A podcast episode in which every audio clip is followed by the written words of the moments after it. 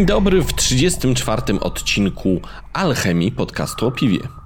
Ostatnio było nas nieco mniej, a to dlatego, że działo się trochę więcej. Najpierw Warszawski Festiwal Piwa, potem wizyta cydrowni Pełnia i browaru Monsters w Morzu Piwa, skąd powstał odcinek Alchemia Live, pierwsza edycja konkursu piw i cydrów Greater Poland, organizowana przeze mnie i Mateusza, targi browarnicze Braue Wiale, a za chwilę poznańskie targi piwne z cydrem pełnia once again.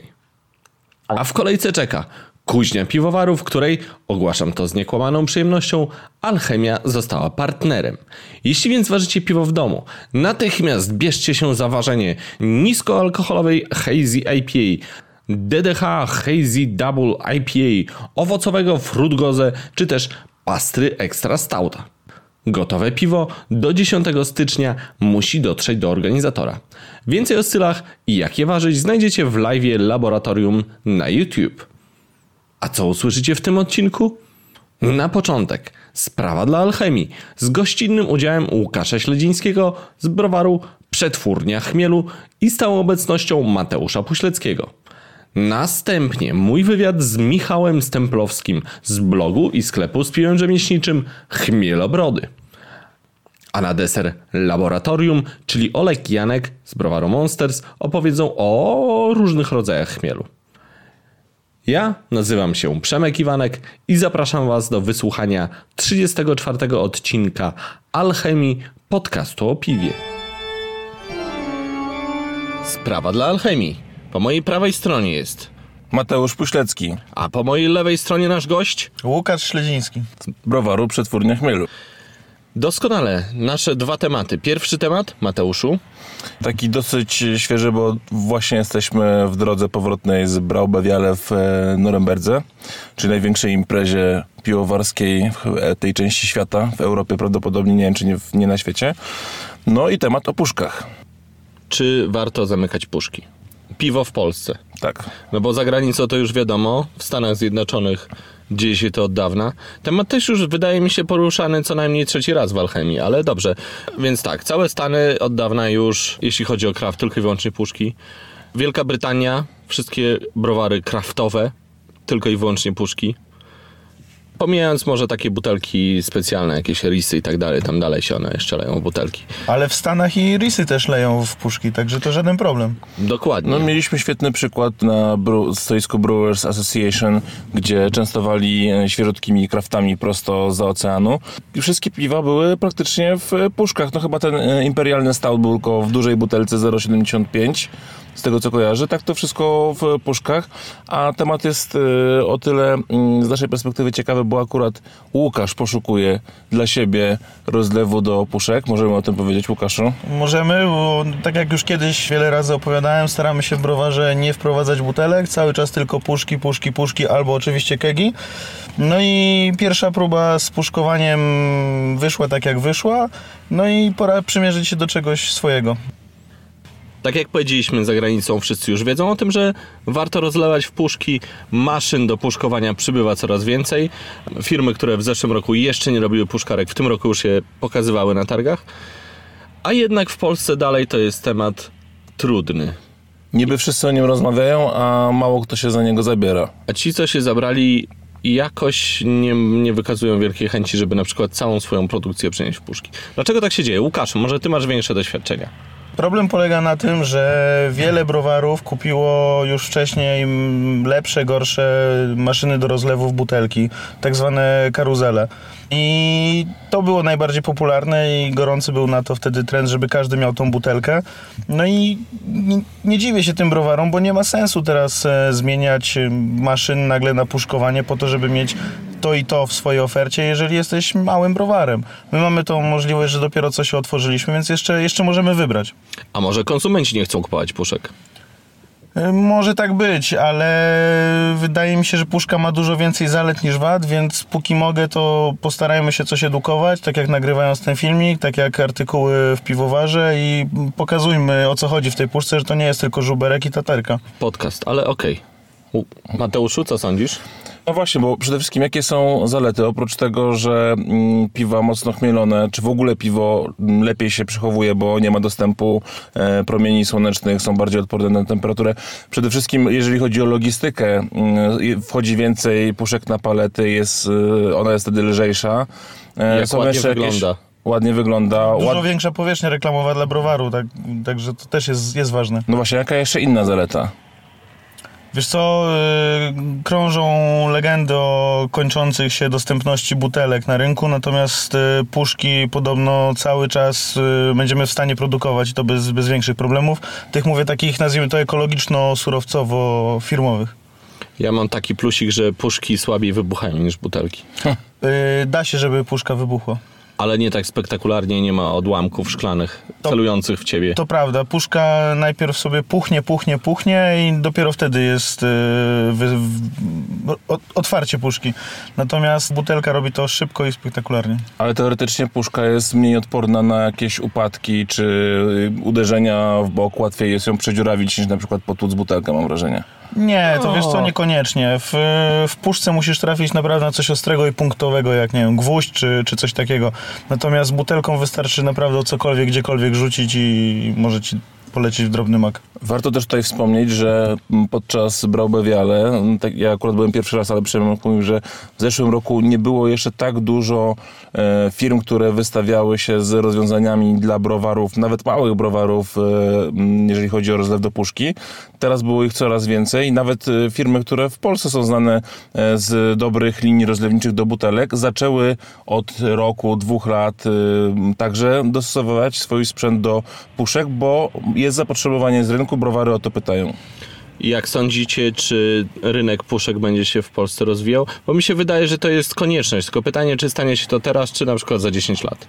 Wiesz co, ym, ponieważ producenci sprzętu dostrzegają potrzebę na zrobienie takich maszyn, a towarzyszyłeś mi Przemku przez całe dwa dni w oglądaniu maszyn i w ilościach od 1000 do 2000 puszek na, na godzinę, Obejrzeliśmy łącznie z 15 maszyn. Tak jak Mateusz mówi, firmy, które wcześniej tego nie robiły, robią, zaczynają w to wchodzić, testują technologię, dokładają, nazwijmy to, przeciwutleniacze. I także, jeżeli firmy to widzą, to i ry, ry, znaczy, że taka potrzeba na rynku jest. Jeżeli nawet w Polsce nie jest ona taka duża, to na pewno Europa o to pyta.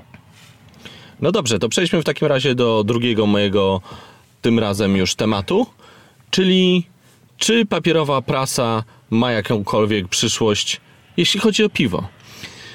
Ogólnie trend jest znany, wszyscy odchodzą od pisanych gazet, a jednak one nadal mają sens, jeśli chodzi na przykład o magazyny albo, mm, nie wiem, darmowe gazety. Jeśli spojrzymy na rynek piwny, to właściwie w każdym kraju znajdzie się coś ciekawego. Wracamy z targów, piękny, gruby katalog e, niemieckiego mm, piwowarstwa rzemieślniczego o nazwie Kraft. Kraft, ale Przez przez C. C, przez C. E, Dwumiesięcznik gruby wygląda na piękny, kolorowy magazyn. Gościliśmy Toma, z którym będzie również w przyszłości wywiad. Gościliśmy Toma w, tym razem w Poznaniu na konkursie Greater Beer Poland. Dokładnie tam. I on przywiózł nam ze sobą regionalną gazetkę darmową. Darmową, tym, tym razem już y, papier gazetowy, cieniutki, e, miesięcznik, który wychodzi tylko i wyłącznie dla części regionu Kalifornii o krafcie. O piwie, do, do którego regularnie piszę swoje felietony. I magazyn jest stricte lifestyle'owy o piwie. Nie jest tak... e, Restauracyjny troszkę, troszkę o, o, o restauracjach, trochę o pubach, trochę o ludziach. Ale jak zerknąłem, to oni chwalą się osiągnięciami browarów lokalnych z jakichś konkursów międzynarodowych. Akurat gorący temat Gapfy był chyba na, na pierwszej stronie, że browar jakiś tam sąsiedni, nazwijmy to, zajął kilka tam złotych me- medali. browary i brewpuby, do których można pójść, które ważą w danym regionie. Jak najbardziej. Jeśli pamiętam, o, przypominam sobie wy, wyprawę do Wielkiej Brytanii, Kamra drukuje mm, świetne lokalne magazyny. I naprawdę okazuje się, że w tych krajach można. Czy Niemcy mają tak dużo więcej kraftu od nas, żeby wydawać taki magazyn? Czy w Polsce jest miejsce, potencjał na zrobienie jakiejkolwiek papierowej prasy, czy nie ma, nie ma sensu i w ogóle nie trzeba? No jak dobrze wiecie, jest y, magazyn Piłowar, który jest przez PSPD mm, wydawany, natomiast jest to bardziej Tylko, e, to profesjonalne, techni- techniczne, techniczne, tak. dla piłowarów domowych oraz y, w tej chwili już zawodowych i to jest pewien y, kierunek, który wyznaczyliśmy redakcji y, Piłowara jakiś czas temu jako zarząd PSPD, żeby odchodzić od kwestii właśnie realiz- relacji z jakichś y, imprez, z jakichś mm, premier, wycieczek y, piwoznawczych, po to, żeby właśnie, żeby to była taka esencja mm, wiedzy dotyczącej technikali związanych z piwowarstwem. Natomiast faktycznie takie lifestyle'owe e, tematy związane z piwem są dostępne tylko i wyłącznie w internecie, tak jak na przykład na twojej Craft Magii, a wydawnictwa papierowego nie ma nawet ogólnopolskiego, lokalnego e, Żadnego. żadnego. Dlaczego? No może przez to, że nikt nie zebrał kilku podmiotów, które mogłyby sfinansować wydanie czegoś takiego. Przecież też y, równie dobrze z reklam można sfinansować drukowanie. W Kalifornii ta gazeta Beer Paper jest opłacana z, z reklam. Z reklam. Tylko i wyłącznie. Pamiętajcie, żeby w y, prasie drukowanej zawierać jakieś informacje, to one muszą trochę móc trwać, trochę mieć jakiś dłuższy czas, okres niż, niż jedna impreza, jedna premiera, którą publikujemy sobie w internecie i ona żyje krótko, idziemy i po temacie. To muszą być jakieś treści, które, które są przez dłuższy, przez dłuższy czas aktualne. Okej, ale wywiad z facetem, który ma restaurację i ma również piwa rzemieślnicze. No okej, Czy to może pożyć dłużej niż miesiąc? To może, tak, tylko trzeba pojechać do takiej osoby, trzeba robić zdjęcia, trzeba rozmawiać i on musi też chcieć mieć coś fajnego do powiedzenia.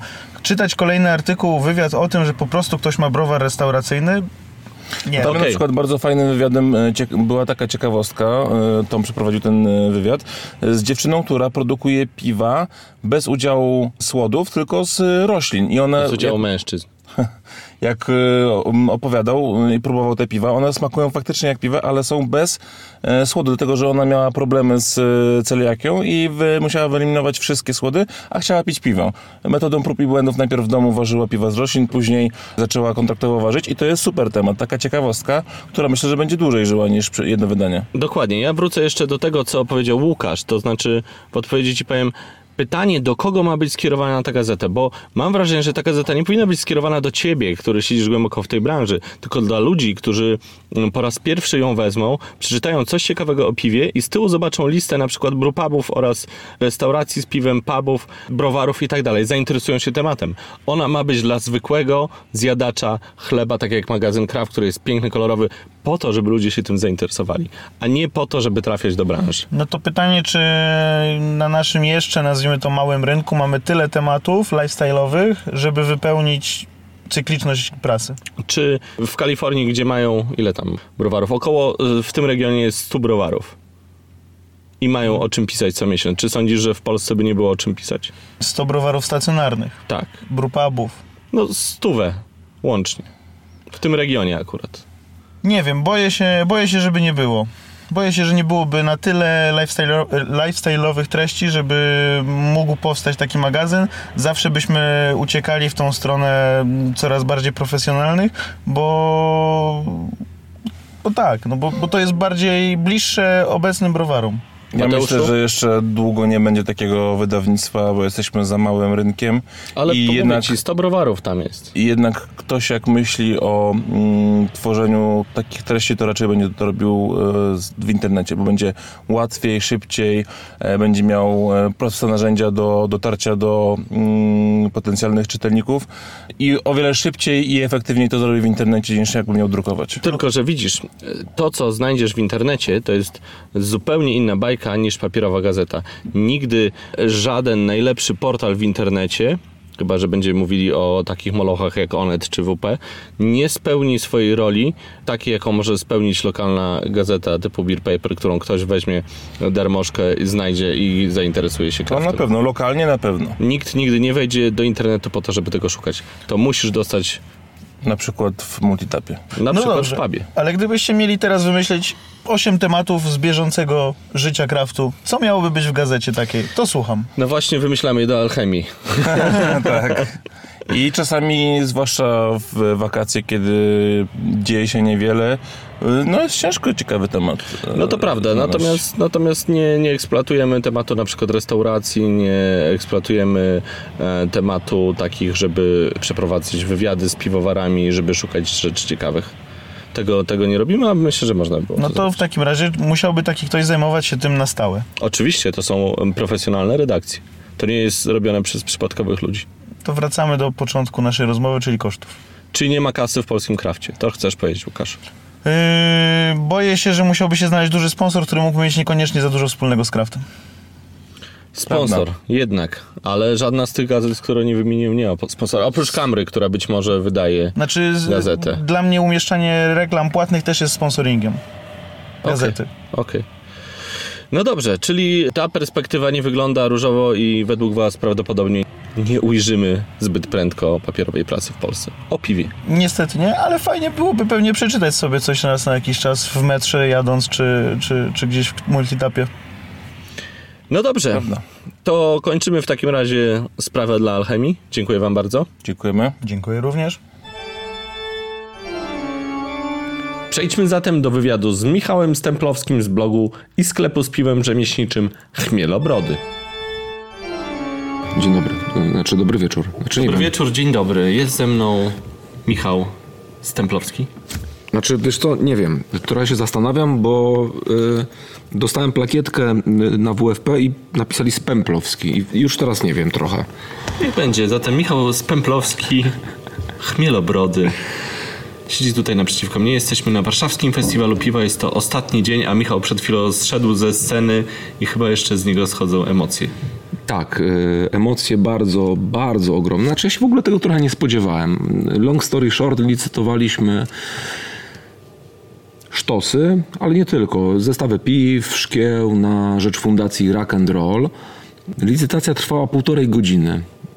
I tak stwierdziłem, że zbuduję trochę to emocjami, żeby zacząć od piw najpierw ciekawych, żeby tak zanęcić trochę, potem wrzucimy zestawy i na sam koniec zostawiłem sobie wisienki na torcie, takie białe kruki, które są nie do zdobycia, ktoś mi przyniósł z piwnicy i tu, tutaj chylę czoło bardzo, bardzo nisko przed Michałem Wardaszką, który dostarczył mi między innymi samca alfa z pierwszej warki, no i to wzbudziło bardzo duże emocje, bo mm, o ile też jest zaskakującym fakt, że zestaw składający się z trzech piw, które normalnie możesz kupić za dychę za jedno piwo plus szkło za 15, y, był licytowany za 200, 300, 400, 500 zł i to było super. To y, niesamowicie pokazało to, jakie ludzie mają wielkie serducha, no bo licytowaliśmy na fajny cel i to było super, ale w momencie, kiedy wjeżdża właśnie samiec alfa z tej pierwszej warki, yy, ja w ogóle rzucam razem z Michałem, bo zaprosiłem go na scenę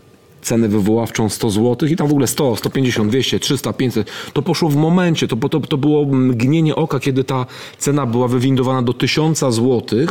To nie trwało nawet 30 sekund rzecz absolutnie, której się nie spodziewałem, niosąca ogromny ładunek emocjonalny, ale największym zaskoczeniem było to, jak się ta licytacja zakończyła, bo skończyliśmy licytację samca alfa na 2800 zł za butelkę piwa. I to wydaje mi się, mo- mogę być w błędzie, może mnie ktoś poprawi, ale wydaje mi się, że obecnie to nikt drożej za, za więcej nie dał za polskie piwo niż 2800 zł za 0,33 Też, piwa. też mi się tak wydaje, jak ktoś e, słyszał wyższą cenę, to niech nas e, wyprowadzi z błędu w komentarzach, ale mi się wydaje, że to jest To jest, To jest ewenement, to jest, to jest rzecz i, i, i wiecie, to się zadziało w ogóle w... To były tak, emocje, to były palcem, nie, emocje. To, mega, mega. Ciężko teraz opowiedzieć, ale naprawdę tam na scenie było gorąco, to mało powiedziane. Tam były naprawdę też kipiało od emocji Tak, i tak. za każdą kwotą były brawa, po prostu ludzie szaleli, krzyczeli, klaskali. Ja mam, zda, ja mam zdarte gardło od darcia się, od dopingowania, jakoś tam wi- wi- wywindowałem te ceny też trochę, e, tam pod- podopingowałem tych licytujących najwięcej. Także mam, no, czuję, że mi gardło boli od tego wszystkiego tam, nie? Ale to, to było warto, bo mm, wiesz, to jest biznes, tak? Ktoś ro, robi sobie jakieś piwo, możemy sobie o tym dyskutować, mogą być jakieś ceny na, na, na, na wymiankach, to może funkcjonować, ale w momencie, kiedy my tym pomagamy, e, robimy coś dobrego, to to jest e, rzecz nie do przecenienia i też pokazuje, że ludzie w krafcie polskim mają wielkie serducha.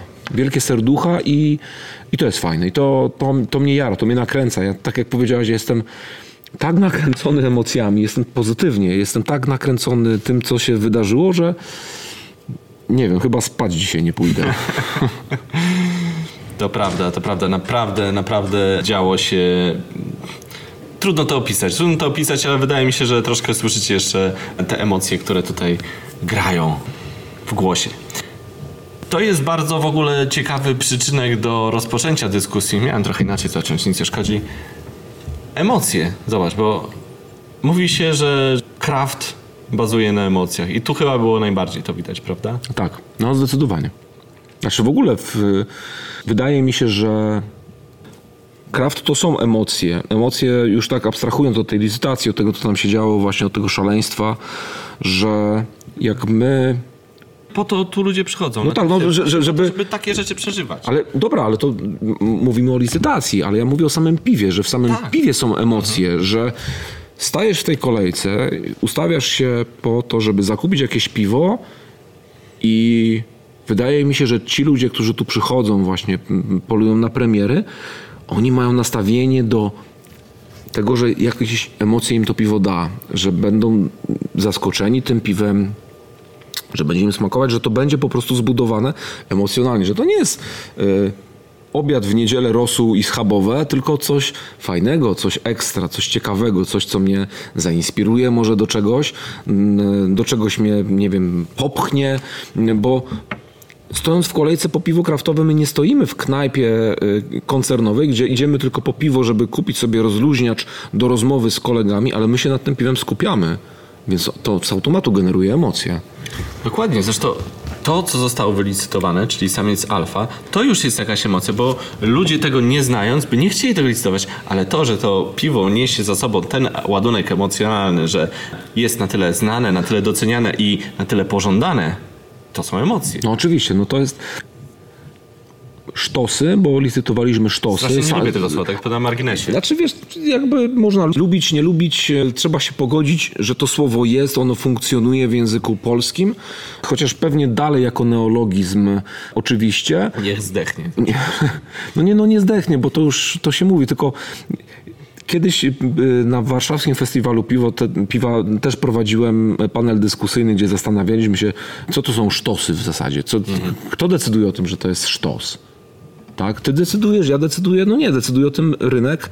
To, to są oczywiście skomplikowane zależności, y, ale możemy powiedzieć, że właśnie samiec alfa przez to, że y, raz, że był piwem bardzo dobrym, dwa, że był piwem nietanim, trzy, że było go mało, cztery, że był dobry marketing wokół niego zrobiony, stał się sztosem.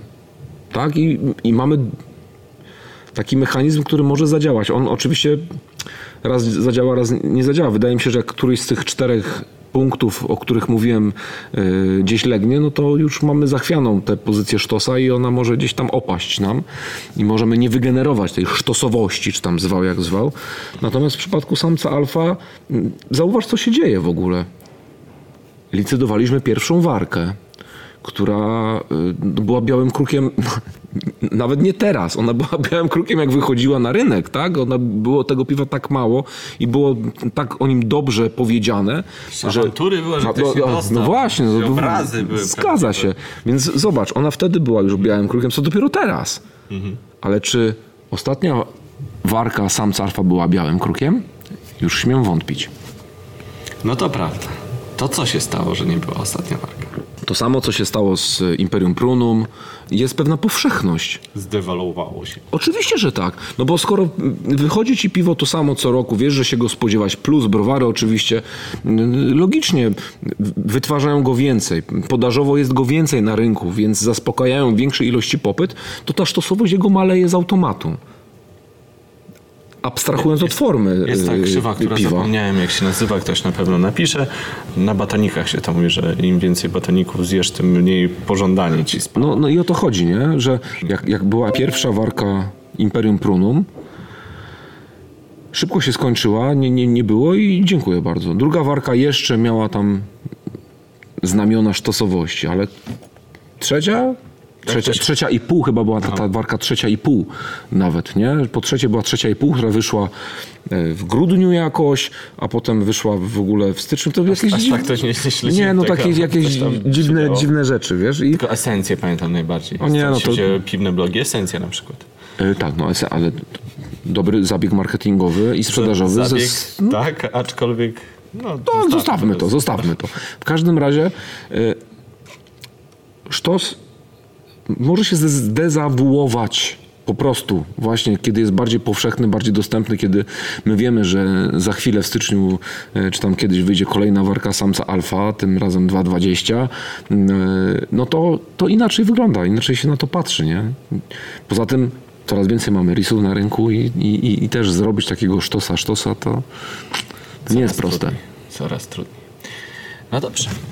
Ta rozmowa miała się inaczej za, zacząć, natomiast... To już no, o, o tym już mówiłeś, no ale po, poszła w innym O kierunku. tym już mówiłem, właśnie chciałem powiedzieć o tym, że już o tym mówiłem. Bo ja to sobie, wiesz, przygotowuję, już ci powiedziałem, ja sobie przygotowuję zawsze pytania, zresztą to już chyba wiecie. No bo trzeba, trzeba research zrobić do wywiadu. I ciebie mam do przemaglowania w kilku tematach. Pierwszy dajesz. temat to jest temat rynku piwa patrzony przez pryzmat twojego sklepu, czyli sklepu Chmielobrody, w którym byłem ostatnio w Katowicach, bardzo sympatyczny sklep, blisko dworca, także nawet jak się przesiadacie, jest chwila, żeby szybciutko z walizeczką, tak jak ja pobiec do Chmielobrodego nakupić i Albo jakby się jedzie samochodem, koperta jest. Można przy sklepie sobie Berta stanąć. Chmielobrodego. Tak. No proszę. A czy statkiem można przepłynąć na przykład? Oczywiście, tak. Jak tylko dacie radę, zapraszam. Takie małe tam jest miejsce. Kajakiem bardziej może, ale na kółkach. Kajakiem na kółkach. Więc to jest y, pierwszy temat do przemaglowania ciebie. A drugi temat to jest temat blogerski oczywiście, gdyż jesteś blogerem i vlogerem w jednym. Ponoć jestem piwną szafiarką w zasadzie. Tak cię właśnie chciałem przedstawić, ale wiesz, tak dało mi do myślenia twoje imię, wiesz, bo imię Michał. Michał, takie znane postacie o imieniu Michał. Michael Corleone na przykład. To ja, ja, ja nie. Bardzo Ja, znane włoskie nazwisko, zwłaszcza w Nowym Jorku. nie myślałem, że Vito, ale y, ja bardziej, DeVito też. ja bardziej Michał Wołodyjowski na przykład. O! Albo Michał Jackson. Michael Jackson, mam na liście. Michael Jackson, bardzo znany e, fan piwa. Tak. I śpiewał jeszcze Billie Jean. I też. Bo był człowiekiem wielu talentów. Wielu talentów, tak. Michael Jackson był No człowiekiem wielu i idąc dalej tropem tych Nie, ale dobra, e, ale, ale poczekaj, bo nie, bo dobra, bo my tak sobie żartujemy, żeby ktoś nie pomylił, że bo podcastu y, Alchemii słucha Dobrze, to różnych słuchaczy. Mamy dwóch Michaelów Jacksonów. Tak. To jest To ważne. Po prostu osoba, która cierpiała na rozwojenie jaźni, raz śpiewała na scenie, a raz piła piwo i whisky, pisała o tym książki i miała też programy w telewizji, nie wiem, Tak, czy, tak było. wiecie.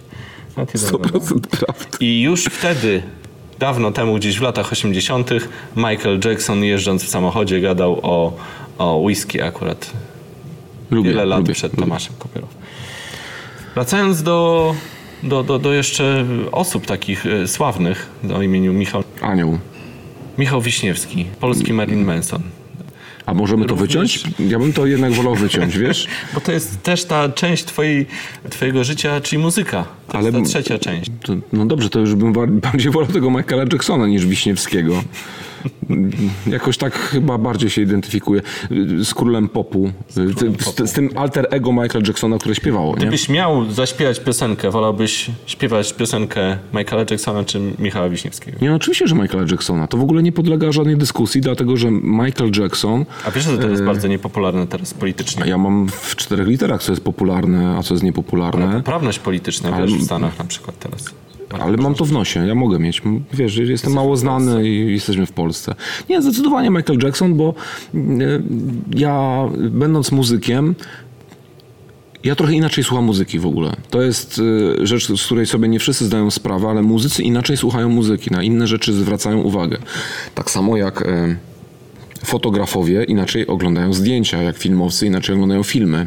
Jak ludzie piwa inaczej piją piwo i marudzą. Dokładnie. M- perełki nie napiją, tylko marudzą. Idealne porównanie. To jest idealne porównanie, bo tak to, tak to wygląda.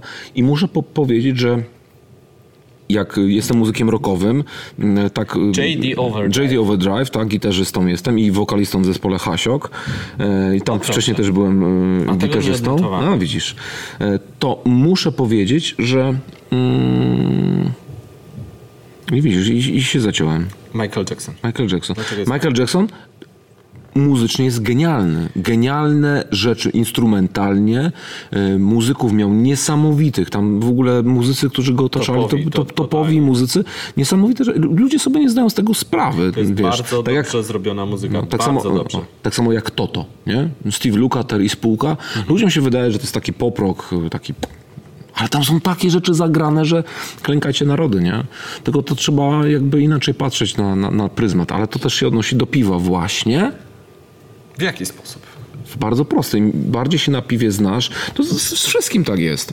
Y, O muzyce już powiedziałem. Okej, ale żeby, żeby, przy patrzeniu, tak? Mówisz, że jak patrzysz na coś okiem eksperta z branży. Y, Nie, z, może nie z okiem eksperta, bo ja się nigdy nie uważałem za, za, za żadnego eksperta w żadnym wymiarze, ale jak jestem muzykiem, gram na instrumencie, y, nagrywam płyty w studiu mm, i podchodzę do tego bardziej zawodowo, to in, inaczej to interpretuję. Tak samo z piwem. Jeżeli ktoś jest piwowarem, ktoś jest sędzią, ktoś, y, na, nawet blogerzy, chociaż no z tym, z tym, z tym, z tym nie wiem, ja się, kurde, nie czuję się jakoś super wybitnym sensorykiem. Eee, Myślałem, że powiesz, że blogerem się nie czujesz. No bo nie, bo czuję się bardziej szafiarką. No, no, tak, no po prostu, poczekaj, do tego pó- później możemy wrócić. E, jak, jak z jedzeniem, tak? Bo mm, ja zawsze porównuję to, jak my postrzegamy piwo kraftowe, w ogóle do postrzegania jedzenia. Weźmy hamburgera. Proste niby danie.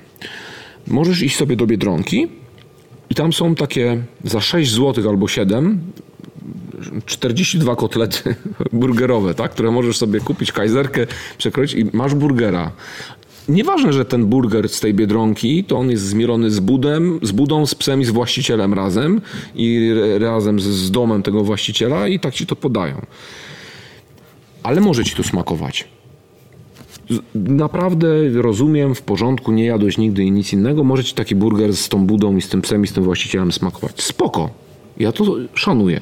Ale teraz wyobraź sobie, że taki gościu, który na co dzień je te burgery z tą budą, idzie do takiej burgerowni, gdzie masz drobno siekaną wołowinę ręcznie, na grillu opalanym drewnem robioną i jeszcze go kurde zapytają, czy on chce to w ogóle rare, medium rare, czy w, w jaki sposób i, i dostaje takiego burgera. Nie? Czyli miał burgera z Biedronki, którego wkładał w kajzerkę i masz nagle kraftowego burgera, faktycznie siekana wołowinka, fajnie, 250 gram wołowiny, w, Gram. gramów, przepraszam, w bóle, tam super zrobiony, no to wydaje mi się, takie mam przeświadczenie, że on sobie pomyśli, kurde, faktycznie dobry ten burger. Nie? I, I zacznie zgłębiać, zacznie się uczyć, może inne stopnie wysmażenia, inne typy wołowiny, bo przecież mamy różne wołowiny. Używasz tego przykładu w sklepie? Tak. Okej. Tak, tak, on, on jest dobry, on jest dobry, bo każdy jadł burgera. Tak? Tak mi się wydaje. I nagle zaczniesz odczuwać różnicę. To jest ten kazus, y, myślę, że tutaj można powiedzieć, z reklamą McDonalda, która jest ostatnio wałkowana, y, gdzie sytuacja wygląda w ten sposób, że oni mówią, że jakaś tam randomowa burgerownia, że tam podają burgery z McDonalda, ludzie jedzą i że one są takie pyszne, smakują jak właśnie taka typowa burgerownia. Co jest oczywiście bullshitem, bo jak ktoś się zna na burgerach, no to ten, bierzesz burgera z, Ma- z McDonalda, z tej serii Maestro, czy jak oni ją nazywają, on smakuje McDonaldem. On nie ma nic wspólnego z takim prawdziwym burgerem, którego masz, nie wiem, na food trucku i tak dalej. Tak samo jest właśnie z piwem.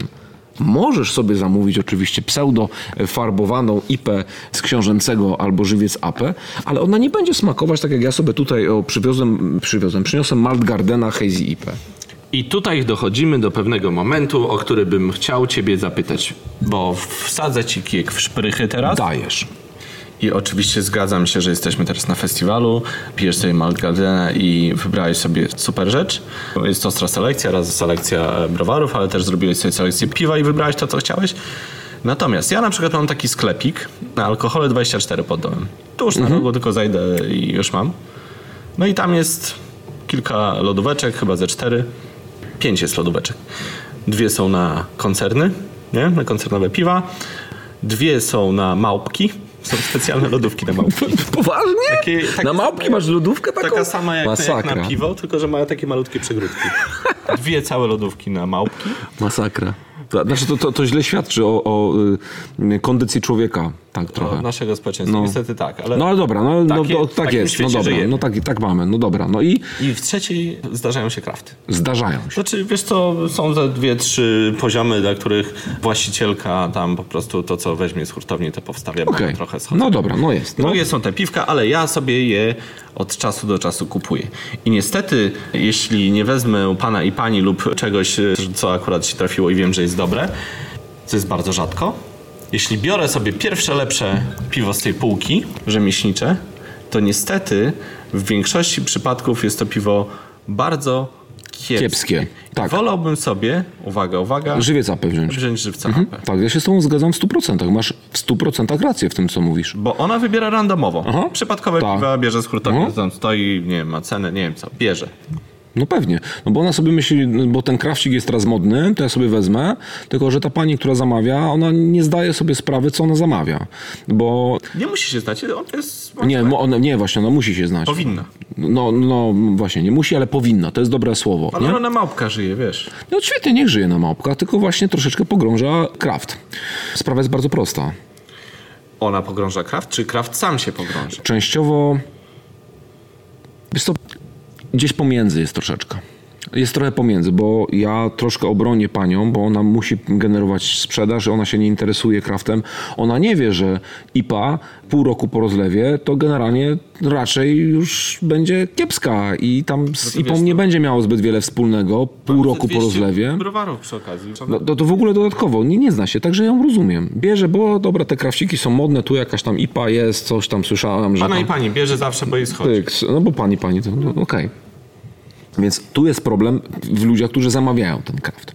Że oni nie wiedzą, żeby po prostu wybrać dobre piwa. Notabene zresztą, będąc tutaj na warszawskim festiwalu piwa, e, zrobiliśmy sobie panel degustacyjny browaru Brew York.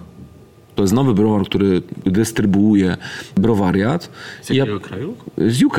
Z, z, ze Zjednoczonego Królestwa, z Wielkiej Brytanii. Wzięliśmy sobie pięć piw i na pięć piw e, cztery były słabe.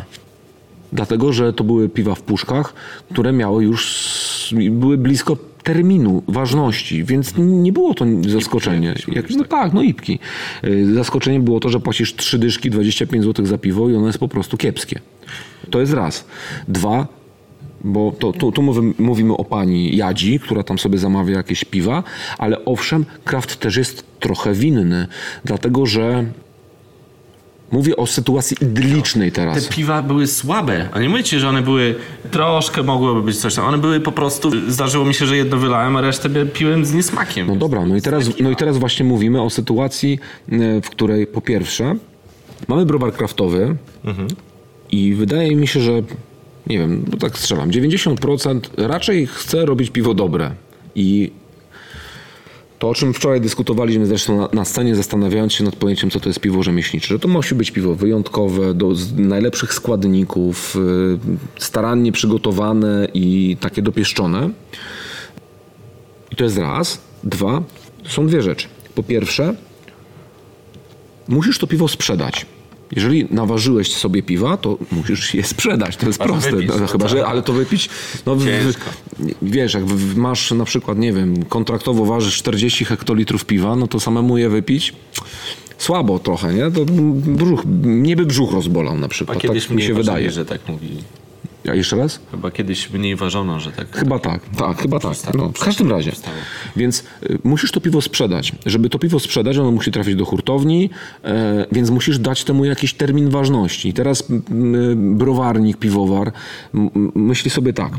No dobra, mam to piwo, naleję je w butelki i ja mam świadomość tego, że w zasadzie to jest IPA, tam hazy IPA i ona tak 3-4 tygodnie i już w zasadzie możemy zapominać o temacie, bo się zaczyna utleniać, e, albo w ogóle już chmiele uciekają i ona już nie powinna być smaczna, ale w zasadzie y, 9 miesięcy i ona, mogę ją wypić i mnie brzuch nie rozboli po niej, nie? Tylko, że nikt sobie nie zdaje sprawy z tego, że piwo 6 miesięcy po rozlewie jest po prostu żadne. Chmiele uratują, jest albo mokry karton, albo jest miodowe, albo jest mdło słodkie i tak dalej, i tak dalej. To jest raz. Dwa, e, mamy mnóstwo browarów. Dzisiaj zresztą miałem bardzo fajną rozmowę z, e, z Tomkiem z Browcy, e, który ch- pierwszy czym się pochwalił, jak mnie dzisiaj zobaczył, że oni rozlew zmieniają. Bo oni teraz rozlewają na karuzeli. No to wiesz, to się, mam nadzieję, że słuchacze też wiedzą, ale ci, którzy nie wiedzą, to powiedzmy, piwo rozlewane do butelek na karuzeli nie jest rozle, rozlewane próżniowo. Wiesz, jeszcze tylko ja wyjaśnię. Nie chodzi o karuzelę w wesołym miasteczku, Nie, tylko, tylko jest taka maszyna do rozlewania butelek. Taka większa domowa, nazwijmy to. Tak, tak. No Ona i jest taka okrągła i się kręci w kółko, dlatego jest nazywana karuzelą. dokładnie.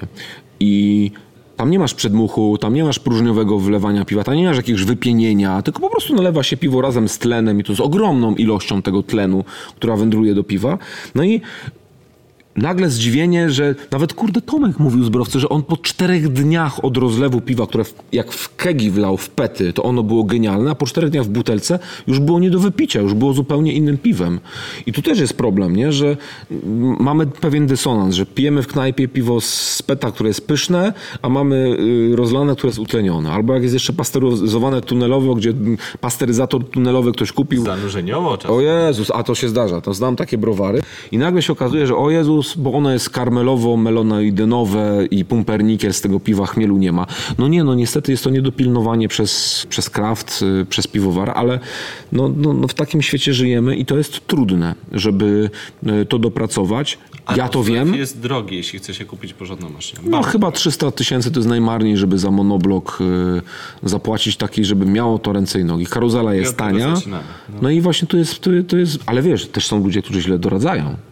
Bo to jest w ogóle ewenement, bo nie będę teraz może rzucał nazwami browarów, ale jest jeden z młodszych browarów, który się postawił, któremu doradzono karuzelę.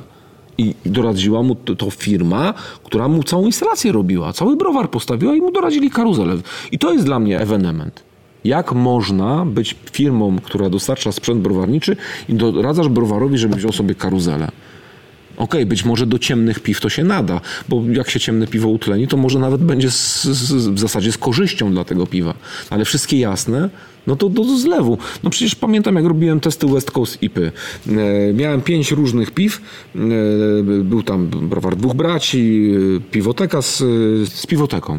Z piwoteką było, było trzech kumpli, no i był, był browar Dziki Wschód, który rozlewał swoje piwo w jednym browarze na karuzeli. To już nawet jak nalałem to piwo, to ono w ogóle, ja, ja już po kolorze widziałem, że, że tam nie będę miał czego szukać, bo ono było ciemniejsze od całej reszty. To był West Coast i jeszcze wpadało, słuchaj, w różowe akcenty.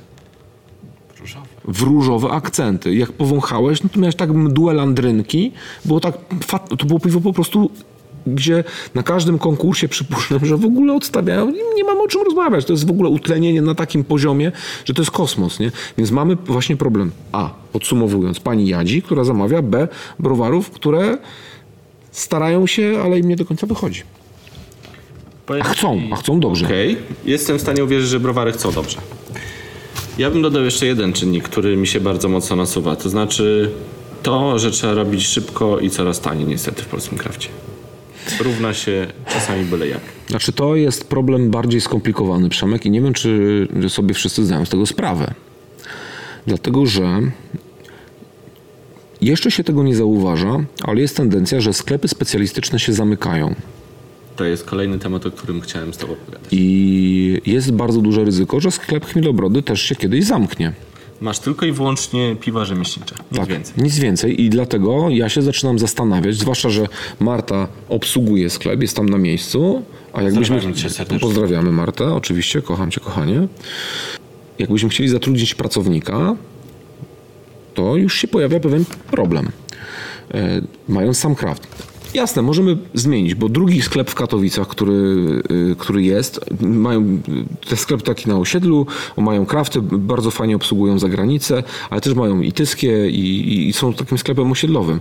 I mógłbym się tak w zasadzie przebranżowić w cudzysłowie, tak, że poza kraftami bym sobie tam postawił lodówkę z żywcem, z tyskim, wziąłbym jakieś destylaty na sklep, chipsy, małpki, ma, o, małpki. Dwie lodówki jedziemy. Tylko szczerze, ja nie wiem, czy chcę. Będziesz miał innych klientów wtedy. Właśnie. Ja nie wiem, czy chcę. Ja, ja y, chciałem zawsze mieć sklep z piwem kraftowym dla wybranej y, rzeszy osób, które się tym interesują, które y, są tym zajawione. życiowy kompromis, wiesz. Tutaj mam krafty, to co kocham, ale żyję z czegoś innego. To już wolę zamknąć sklep i, i się w to nie bawić. Po prostu. Taką mam ideologię i tak mi się wydaje, że jest ok. A problemem jest to, że coraz więcej kraftów jest w marketach, bo Właśnie, dlaczego zamykają się sklepy kraftowe? bardzo prosto. Znaczy, to, znaczy, bo trzeba sobie uświadomić, kto kupuje kraft i jaki kraft kupuje i na czym się zarabia w krafcie. To jest bardzo proste, jak siedzisz w środku, bo tak sobie, wiesz, z zewnątrz ktoś pomyśli, że kurde, mają tych 500 piw, tam 500 indeksów na sklepie, to sobie poradzą świetnie. Rewelacja. Ale to wygląda w ten sposób, że przeciętny spijacz kraftów, yy, inaczej, najwięcej zarabia się na piwach standardowych. Atak chmielu, rowing jack, pszenicę, yy, to co ludzie znają. Na tym się robi najle- największą kasę. Nie na nowościach. Polacy lubią te melodie, które znają. Tak, to co się zna. Więc jeżeli masz te piwa, które znasz w markecie i idziesz sobie w weekend do Tesco, e, Oshona, Carrefoura i robisz sobie zakupy na cały tydzień i przy okazji przejdziesz sobie koło kraftu i a dobra, to sobie tam pięć ataków chmielu wezmę e, i tak dalej, a do, do specjalisty sobie pójdę po, po nowości, no to masz już obcięcie pewnego klienta, tak? Już, już nie kupują u ciebie. Bo jak przypuszczam, no nie wiem, ja, ja się wypowiadam na podstawie danych z mojego sklepu. Jak sobie biorę wolum, wolumenowo, co się najlepiej sprzedaje, to nie są tu żadne wiesz, nowości i tak dalej, to są standardy. No, mam klientów, którzy potrafią przyjść i powiedzieć e, dzień dobry, jest atak chmielu? Tak, jest. Ile? 20? To ja poproszę 20. Nie? I tak to działa. I sprzedają się piwa standardowe, sprzedają się IPy.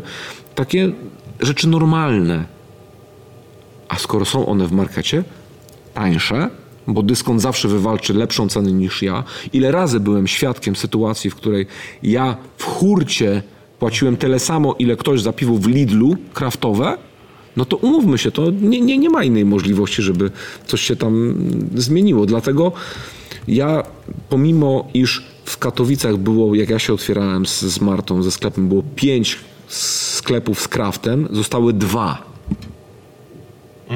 I ja wcale nie zarabiam więcej, bo się trzy inne zamknęły. Więc to coś mówi. Uważasz, że markety? Tak, markety mają na to duży wpływ. No nie, to jest kropka, no bo to jest to, co powiedziałem. Jeżeli klient jest na zakupach i jest w stanie właśnie ten najbardziej popularny klient, bo 80% moim zdaniem, 80-85% klientów na kraft to są osoby, które nie są birgikami, które po prostu sobie, wiesz, wyskoczą na żywca, w weekend a od czasu do czasu lubią sobie ły- ły- łyknąć krawcik. A to są osoby, które właśnie kupią atak chmielu, kupią sobie jakie- jakąś pszenicę lepszą, jakiegoś pilsa kraftowego. E, więc skoro mają w marketach te piwa przy okazji zakupów i one są tańsze niż u mnie, no to o czym my rozmawiamy? To gdzie taki klient kupi to piwo? U mnie czy w markecie? Czy nie sądzisz, że jest swego rodzaju hipokryzją to, że niektórzy właściciele browarów rzemieślniczych e, opowiadają o walce z wielkimi koncernami, a tymczasem prawie na kolankach biegną do, żeby sprzedać w, w, w wielkich sieciach. Wiesz, ja się nie obrażam na wielkie sieci. Ja robię tam zakupy, ja w ogóle się nie obrażam ani na duże browary, ani na nic. Ja nie, nie mam w ogóle ideologii w sobie, nie? Odrzu- odrzucam to, nie? Ja, ja po prostu patrzę na piwo jako na piwo, patrzę na rynek jak na rynek, patrzę na mechanizmy, natomiast nie angażuję się w to w ten sposób. Natomiast wydaje mi się, że to troszkę jednak pachnie hipokryzją. Wiesz co, nie chcę tego oceniać. Wydaje mi się, że to jest bardzo trudne do oceny, bo to są podmioty, inaczej, polski kraft to nie jest Czerwony Krzyż. Nie robimy piwa kraftowego, bo chcemy szerzyć kaganek dobrego piwa, tylko robimy piwo kraftowe, bo chcemy szerzyć kaganek dobrego piwa, ale też chcemy na tym zarobić, chcemy na tym utrzymać nasze rodziny, siebie i tak dalej, i tak dalej. To jest ważne. Więc żeby to zrobić, to trzeba szukać różnych kanałów dystrybucji i sprzedaży i jeżeli ktoś uznaje, że takim kanałem jest sieć, dyskont, cokolwiek, to jest jego sprawa i ktoś musi się we- wewnętrznie zastanowić. Natomiast y, to, co mi ostatnio przyszło do głowy i co mnie zastanawia, to jest to, że okej, drogi browarze, jeżeli y, ty chcesz w ten sposób zrobić, to ja cię rozumiem, bo to jest, musisz zarabiać, musisz zarobić na, na, na, na tym piwie, tylko musisz pamiętać, że zażynasz tym samym sklepy specjalistyczne. I to się dzieje. Chodzi? Ale i teraz poczekaj, teraz ich to nie obchodzi, ale może być tak, że tych sklepów specjalistycznych będzie tak mało, że okaże się, że będzie dla browaru nieopłacalne i, i tego się boję. To jest rzecz, której, nad którą się zastanawiam i tego się boję, że będzie nieopłacalny dla browaru ważyć fajne, ciekawe, smaczne piwa, tylko będą trzepali, wiesz, standardy, pilsy, ipy, y, apy, takie zwykłe, zwyczajne, bo nie będzie gdzie sprzedawać piw specjalnych.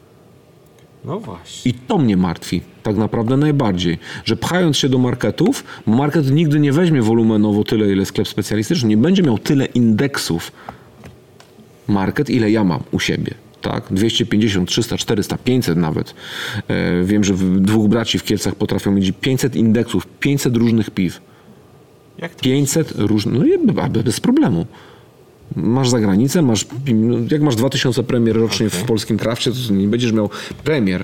To jest masakra. I nie jesteś w stanie tego zrobić, więc tutaj jest pewne ryzyko. Co się stanie, jak się zamkną wszystkie sklepy specjalistyczne? Ja mam taki tutaj cytat. Artur Karpiński, nie wiem czy znasz. Y, Słyszałem o takim człowieku. Gdy ostatni badylarz zgasi światło, ciemność spuści swe zasłony na piwną rewolucję. Artur Trochę tak, no trochę, trochę Artur ma rację, ale trochę. Ja bym nie wieścił aż tak negatywnych e, Rocznie tak obrazów. No mrocznie, mrocznie. No, czy to jest to, co ja przed chwilą powiedziałem, że jest takie ryzyko, że właśnie jak badylarz się zamknie, to nie będziemy ważyli ciekawych piw, tylko będziemy się skupiali na tym, czy tam browary będą się skupiały na tym, żeby e, ważyć mm, piwa standardowe, których pożądają sieci, tylko teraz w którym momencie przyjdzie przełamanie? Czy najpierw się zamknie ostatni badylarz i browary się zorientują, że chyba coś jest nie tak, że chyba powinniśmy coś zmienić, czy jednak e, odpuszczą markety i badylarze e, się odrodzą? Jesteśmy teraz, tak mi się wydaje, to jest tak jak mówię, moja prywatna ocena. Nie odpuszczą, markety dokręcą śrubkę, z czego Nie, sobie jeszcze nie ale to- sprawy. Ale nie, to właśnie mm, w tym temacie miałem dyskusję z Tomkiem Kopyrą i on akurat z kolei twierdzi, jako on tam też kiedyś e, przecież chyba był e, kierownikiem w, w, w, w jakimś dyskoncie. Sklep w dyskoncie pracował? Tam Nie pamiętam, jakimś kierownikiem chyba był, tak kojarzę. tak, Tak, był. Y, I on mówi, że tam działają takie mechanizmy, że markety powinny odpuścić z kraftami w pewnym momencie i ten czas się zbliża. Jeżeli tak będzie, to okej, ale ja się boję, że właśnie nie odpuszczą, że dalej będą, tylko oni nie będą cisnęli na różnorodność. Oni będą chcieli mieć, wiesz, indeksy sprawdzone właśnie na takich chmielu, y, trapez, y, rowing jacki, pilsy. Będą chcieli mieć kontrakty, a wtedy dopiero niektórzy zobaczą, co to znaczy, e, jak ktoś ci dyktuje, co masz robić. No właśnie, więc, więc jest duże ryzyko. To się I- stanie, ja to ci mówię. I wiesz co, właśnie jesteśmy, tak mi się wydaje, mm, na w momencie, kiedy pójdzie albo w lewo, albo w prawo. Nie? I, I nie jestem w stanie stwierdzić, natomiast mogę powiedzieć tobie oficjalnie teraz, że na przykład nie wiem, co będzie ze sklepem Chmielobrody w przyszłym roku. Bo pomimo, że okej, sklep przynosi zyski, jest w porządku, ale zastanawiamy się, czy ma to sens. Na zasadzie, czy my się tak musimy zażynać czasowo, bo to jest, wiesz, czas, poświęcenie siły, energii, czy nie lepiej, żeby Marta poszła do korpo, tak jak ja w korpo pracuję, żebyśmy mieli, wiesz, e- e- etat zapewniony, tam L4 i tak dalej, czy jest sens, żeby się zażynać do tego? Niestety uważam na ten moment, że może to być trudne. Czy słuchałeś rozmowy mojej ze Zbigniewem Kawalcem z Darowina? Nie, niestety nie miałem okazji. Polecam ci posłuchać. Winiarze mają te tematy bardzo dobrze przerobione. Winiarze, czyli głównie importerzy wina do Polski, których jest bardzo wielu. E, Sklepy specjalistyczne również mają dość e, przerobioną e, tą strategię, a Zbigniew Kawalec, z którym rozmawiałem, który otwiera nie pamiętam, 15 sklep w tym momencie, coś takiego, swój własny. Mówi wprost, jeśli ktoś handluje z markatami, to ja tego człowieka nie kupuję. Ale to jest proste, bo my też tego nie robimy. Nie mówi tylko o marce. Mówi o tym importerze.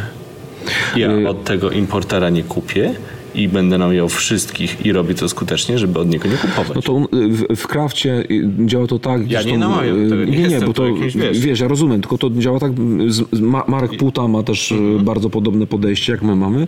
Y, Ja na przykład też nie mam u siebie piwa, które jest w markecie.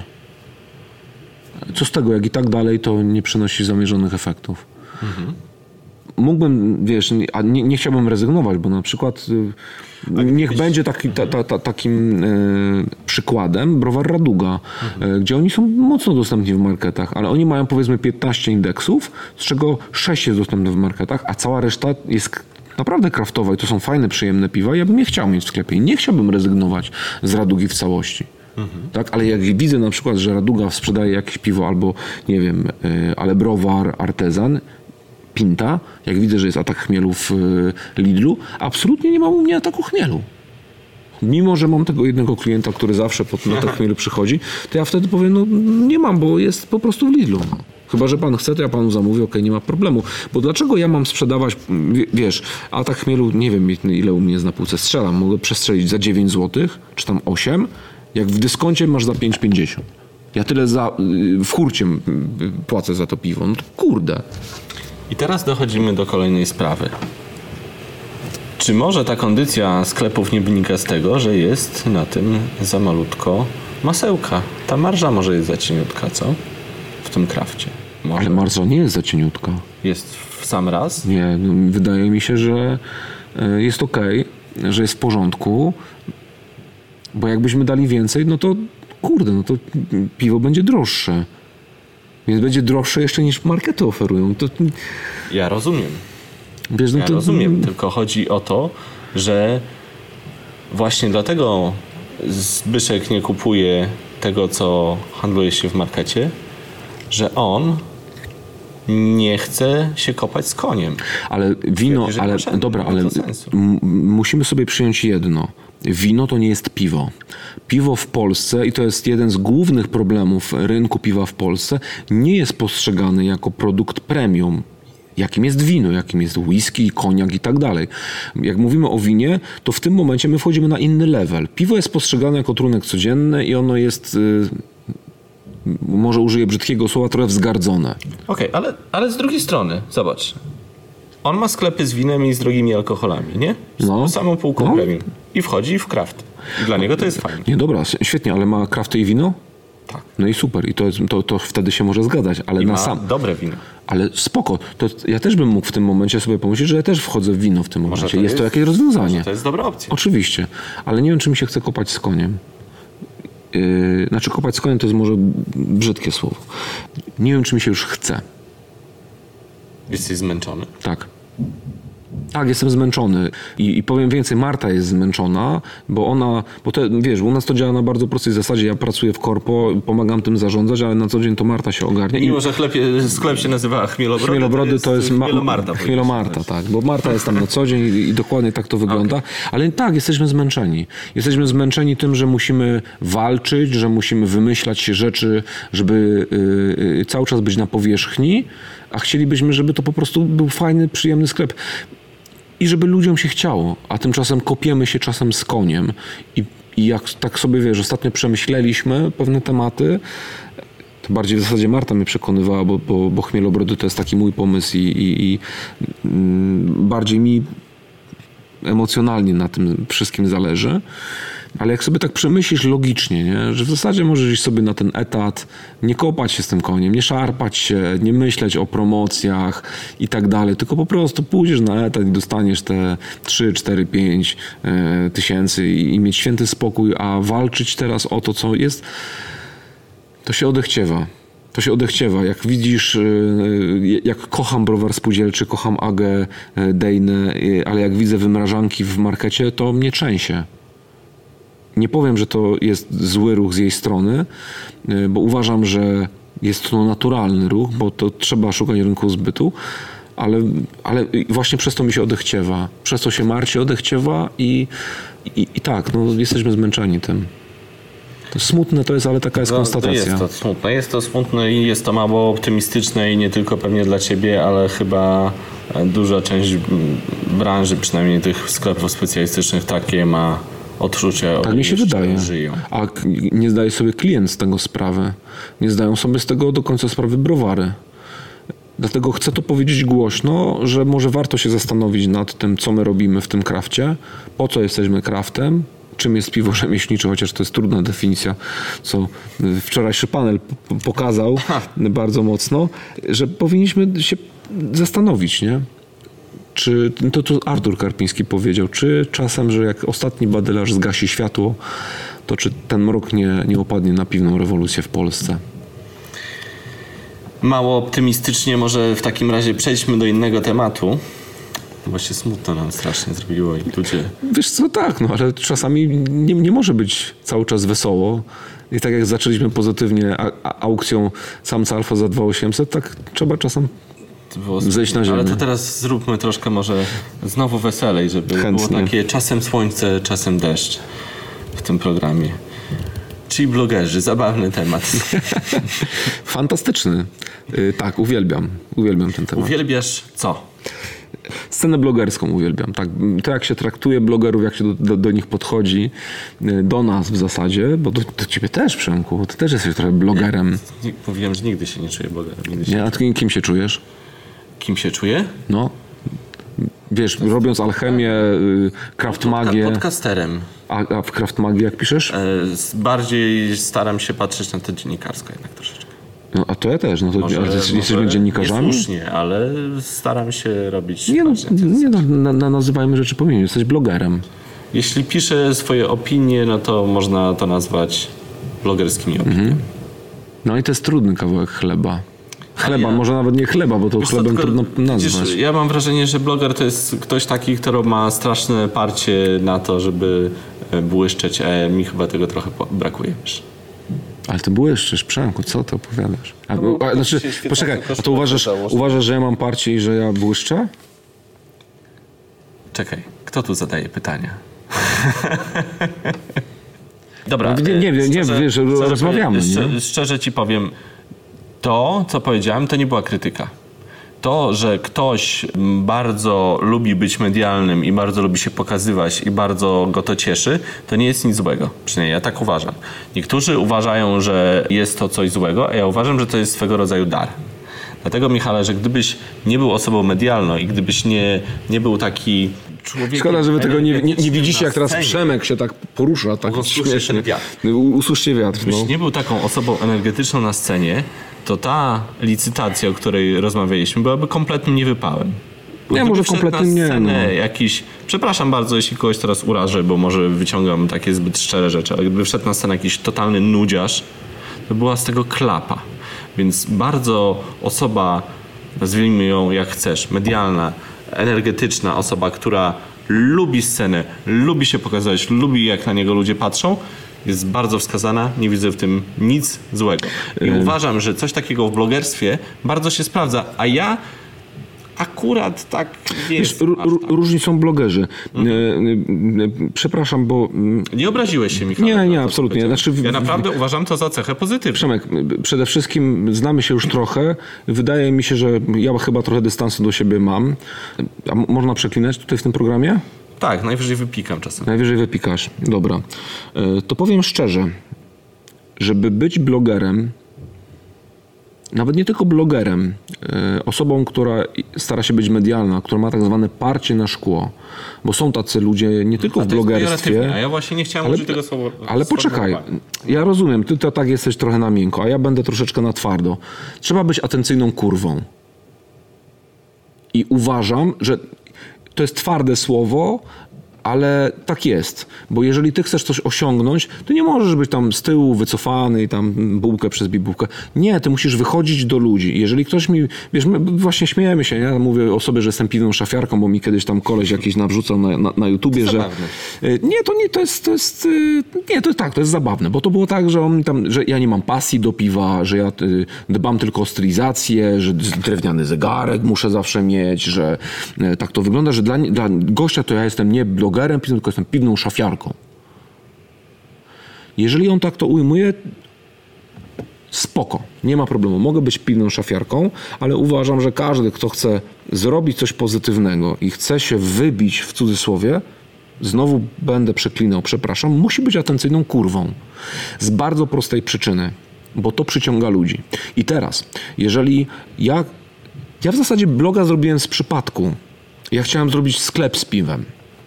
Mi zależało na tym, żeby mieć sklep z piwem kraftowym, ale skoro mam doświadczenie dziennikarskie, bo przecież byłem reporterem Polskiego Radia przez rok czasu, skoro potrafię napisać coś tam w miarę sprawnie, to zrobię tam bloga, żeby to legitymizowało sklep.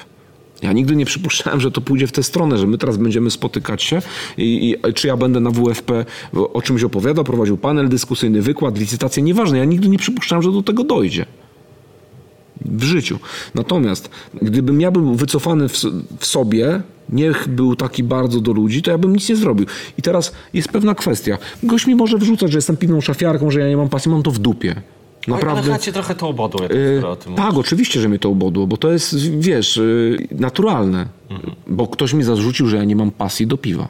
I to mnie ubodło. To, że ktoś mnie nazwał piwną szafiarką, proszę bardzo, można mnie nazwać piwną szafiarką, atencyjną kurwą, yy, że mam parcie na szkło, z tym nie mam problemu. Bo trochę w tym prawdy jest. Natomiast jak ktoś mi zarzuca brak pasji do piwa, to to mnie ubodło. I, to się, i, i tutaj się zgodzę.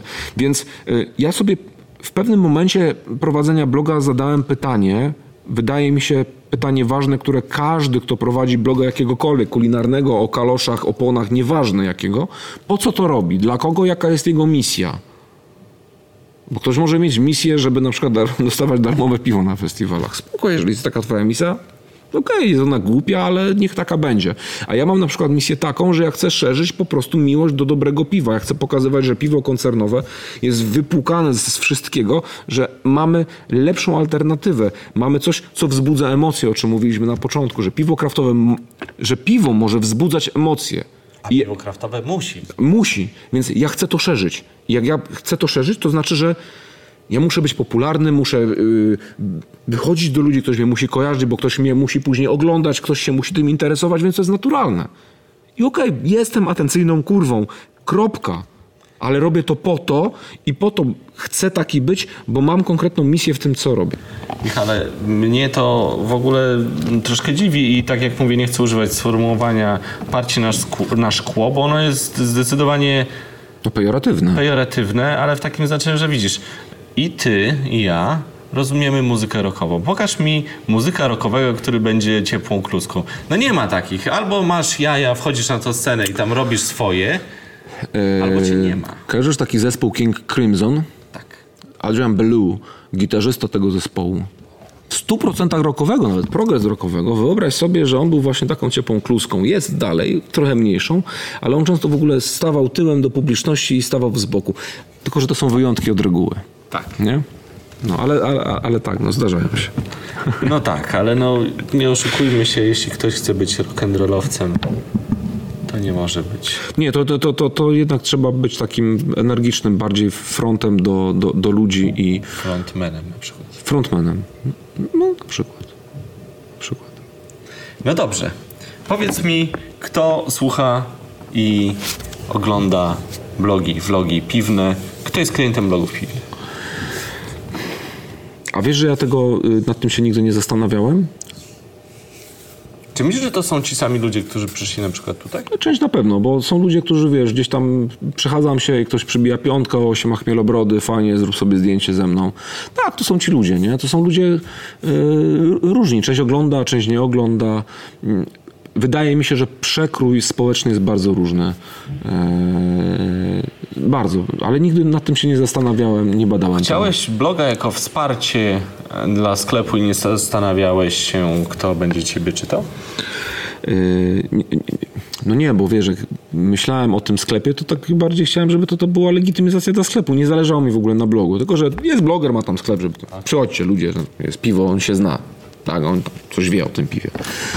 Yy, więc nie, nie zastanawiałem się, a teraz chciałbym, żeby i to jest trudne. Chciałbym, żeby mm, trafiał do ludzi yy, nie tylko, którzy yy, lubią piwo, ale właśnie staram się robić czasami takie formy, żeby trafiać do tych, którzy nie piją piwa kraftowego. Stąd seria Chmielobrody Kontra, która trochę jest trudna do organizacji, no bo pijemy tam alkohol, a okazuje się, że gwiazdy, o których gdzie zapytuję, to one tak nie bardzo chcą być łączone z alkoholem.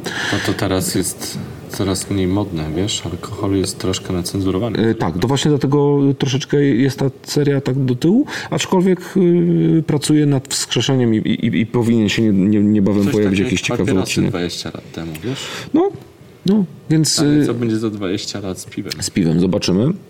Y, więc też chciałbym trafiać do ludzi, którzy po prostu nie piją piw kraftowych. Y, ale wydaje mi się, że odbiorcą jest jednak y, konsument kraftu, taki przeciętny, nie? Mojego kanału.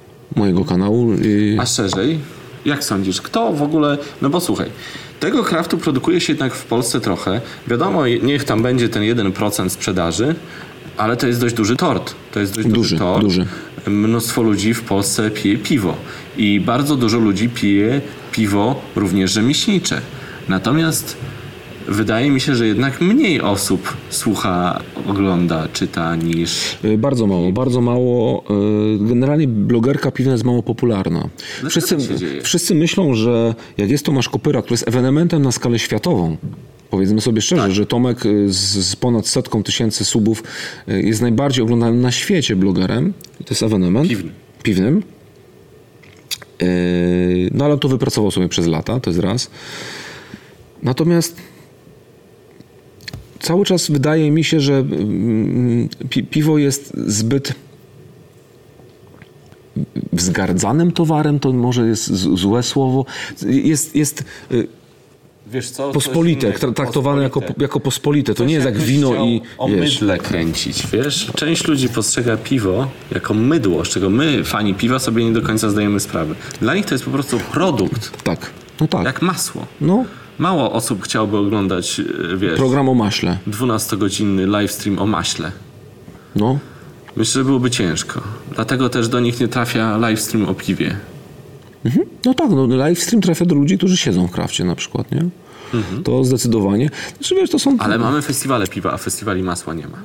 To jest to też, co mnie przeraża trochę, nie? że chcesz robić na przykład treści merytoryczne.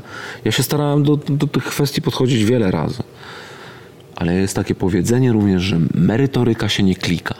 I ona jest, to, to jest smutna konstatacja, że czasami zrobisz świetny materiał, narobisz się na tym, napracujesz, lipa, a nagrywasz y, porównanie żubra y, leżakowanego dwa lata ze świeżym żubrem i cztery razy więcej ludzi ogląda ten twój film, y, który zrobiłeś dla beki troszeczkę w zasadzie, troszeczkę z ciekawości y, i, i potem, wiesz, trochę moje kraftowe serduszko krwawi, no bo... Chciałem ci zaproponować właśnie może taki duet. Będziemy robili właśnie e, e, rok przeleżane i świeże właśnie. Żubr. Żubr tyskie legnie. no, Ale możemy i, no i właśnie to się klika.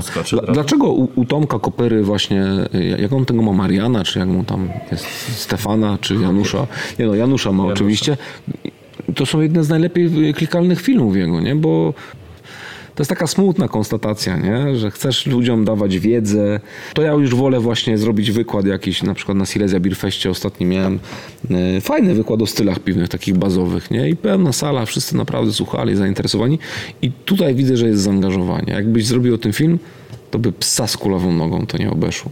Bo e, no bo nie, no bo, bo to jest merytoryczne, a merytoryka jest słaba oglądalności, niestety. Więc trzeba się posiłkować. I to jest też y, takie zabawne, nie? Bo ja nie mam tego problemu, y, bo nie mam tak dużo widzów, ale Tomek y, ma taki problem, gdzie się z niego szydzi, kopyra, bo na przykład nagrywa filmiki, jak gra w cywilizację, albo ma te swoje tematy typu zmieniłem piec na gazowy. Nie? I, i ja to rozumiem, że on takie filmiki nagrywa, żeby przyciągnąć ludzi w ogóle do swojego Najlepiej kanału. Nie? film z tego, co mówił, wiesz, bo rozmawiałem z nim. No tak, no. No tak, no bo, no bo wiesz, bo, bo, bo, bo, bo, bo to się klikało i to było ciekawe, ale dzięki temu on zaraża ludzi, nie? Tylko, że inni nie rozumieją tego właśnie, że trzeba czasami zrobić głupi film o piecu gazowym albo o żubrze, żeby podbić sobie w statystyki, wyświetlania i, i lajki. No, to, to jest takie smutne, bo ja wiem, że taki Birgik, y, właśnie tak mi się wydaje, że gość, który mnie tamtą piwną szafiarką nazwał, że on naj, naj, widzi blogera piwnego jako gościa pod kapturem, który twarzy nie pokazuje i robi tylko merytoryczne rzeczy. Tylko wtedy to jest Underground. underground. To wtedy nie, nie mówimy o tym, żeby docierać właśnie do, do tych, którzy piją to tyskie i żebyśmy ich tam przyciągali na tę kraf, Przeczytać, kraftową stronę. Własna Nie? dziewczyna, kropka. I, I może mama, jak jej podeślę linka. Kocham cię, mamo. Troszkę tak. Dobrze, słuchaj, powolutku będziemy zbliżać się do finiszu naszej rozmowy. To jeszcze trochę o tej rock'n'rollowej twojej stronie opowiedz. Bo ja wiem o niej za mało, a myślę, że większość osób ciebie też słabo z tego zna. Chyba, że nie chcesz się tym chwalić. Znaczy, wiesz, to nie jest kwestia chwalenia się. No, mm, jestem muzykiem, może muzykiem to jest złe słowo, jestem muzykantem, mm, bo jestem samoukiem, nie, nie znam nut. y, Tak, jestem gitarzystą. E, Lat temu mm, 13 założyłem zespół, który się nazywa JD Overdrive. E, No i tam sobie poczynamy grając, mówi się o tym Southern Metal. E, Southern, to ja nie znam. Takie klimaty Black Label Society, Down, Pantera, e, Clutch, tego typu amerykańska szkoła metalu. E, także ostre rzeczy zdecydowanie. No i wiesz, no gdzieś tam sobie radzimy. Wydaliśmy cztery płyty, e, Splita i epkę. Teraz kończymy materiał na, na piątą płytę, która e, zapewne będzie naszą ostatnią płytą. E, chcemy zejść ze sceny niepokonani, jak to się mówi, i, i, Chcesz i się powiedzieć, że w rozejść. zespołach rockowych jest trudniej niż w krawciku? O, mój drogi, no, oczywiście, że tak. Krawcik to jest małe Miki, co? Co ty, no pewnie. Y, To jest pasja, nie? Bo to jest na takiej zasadzie, że mm, pójdę materialnie. Przez, kurczę, ile ja bloga prowadzę? Trzy lata? Cztery? Przez trzy albo cztery lata prowadzenia bloga na blogowaniu y, zarobiłem więcej niż przez 13 lat y, z JD Overdrive. Powiem więcej, więcej dołożyłem do zespołu JD Overdrive niż zarobiliśmy, bo tak wygląda właśnie granie muzyki. Utrzymanie się z muzyki jest bardzo trudne, to jest bardziej hobby, bardziej pasja, bardziej takie zajęcie dodatkowe, e, gdzie no nie no fajnie, no, wiesz, występowałem w Spotku, e, w Dolinie Charlotte, supportowałem Black Label Society Down na największych imprezach open, e, rockowych, openerowych w Polsce. To, były, to są piękne wspomnienia, których nikt mnie nie zabierze, ale też to jest hobby, nie? Także no tak, to, Gdzie się więcej pije? W, w, w roku czy w w krawcu? krawcie i w roku. Jest taka zasada, której się trzymam, mm, że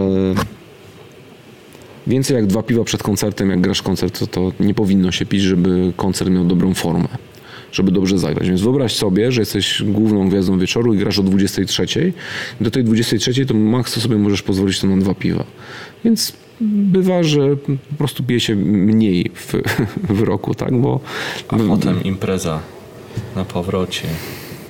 No teraz wyobraź sobie, że skończyłeś koncert, grasz godzinny, półtorej godziny set, który cię w, fizycznie przeciorał i potem chcesz iść jeszcze na imprezę?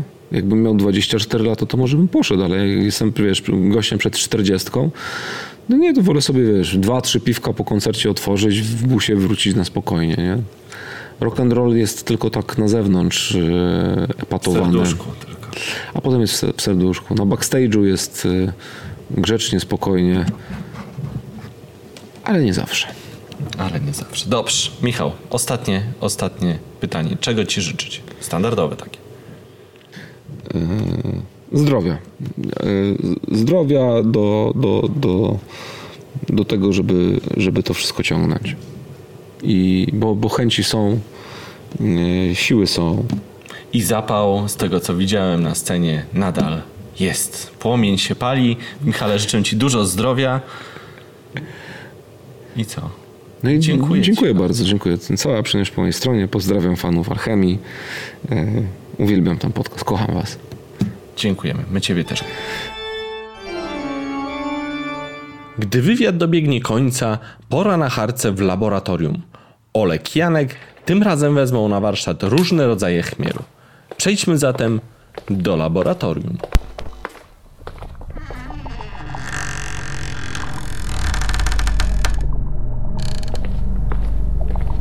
Siemanko, witajcie w kolejnym 34 już odcinku e, Laboratorium, e, Laboratorium Alchemii. Witają Was Olek i Janek z Browaru Monsters. Cześć. E, Janek dzisiaj ważył piwko z piankami. Marshmallow. E, marshmallow, tak. Tak. Ale nie o tym, nie o tym. Dzisiaj rozmawiamy o chmielu. Dzisiaj porozmawiamy sobie o chmielu, ale nie o chmielu e, w takim kontekście, jak żeśmy ostatnio rozmawiali, z pół roku temu chyba, tylko, tylko porozmawiamy sobie o sposobie przetwarzania chmielu, i o różnych mm, nietypach. Y, jakie jest lepsze słowo? Wiesz co, można powiedzieć w ogóle no. o produktach chmielowych, tak mi się wydaje, bo, bo chmiel sam w sobie jest szyszką, a to wszystko, co, o czym będziemy mówić, to są jakieś produkty z chmielu. O postaciach chmielu. O, Może o postaciach, w, jakich, tak. w, jakich, w jakich sprzedaje się chmiel. Czy, czy, czy, czy produkty chmielowe, czy, czy Produkty chmielowe, które będziemy używa, które, które używamy w piwowarstwie, bo tam robią też jakieś e, proszki na uspokojenie z ekstraktem z chmielu, z jakieś tak, takie. można kupić herbatę z e, szyszki, tak, to prawda.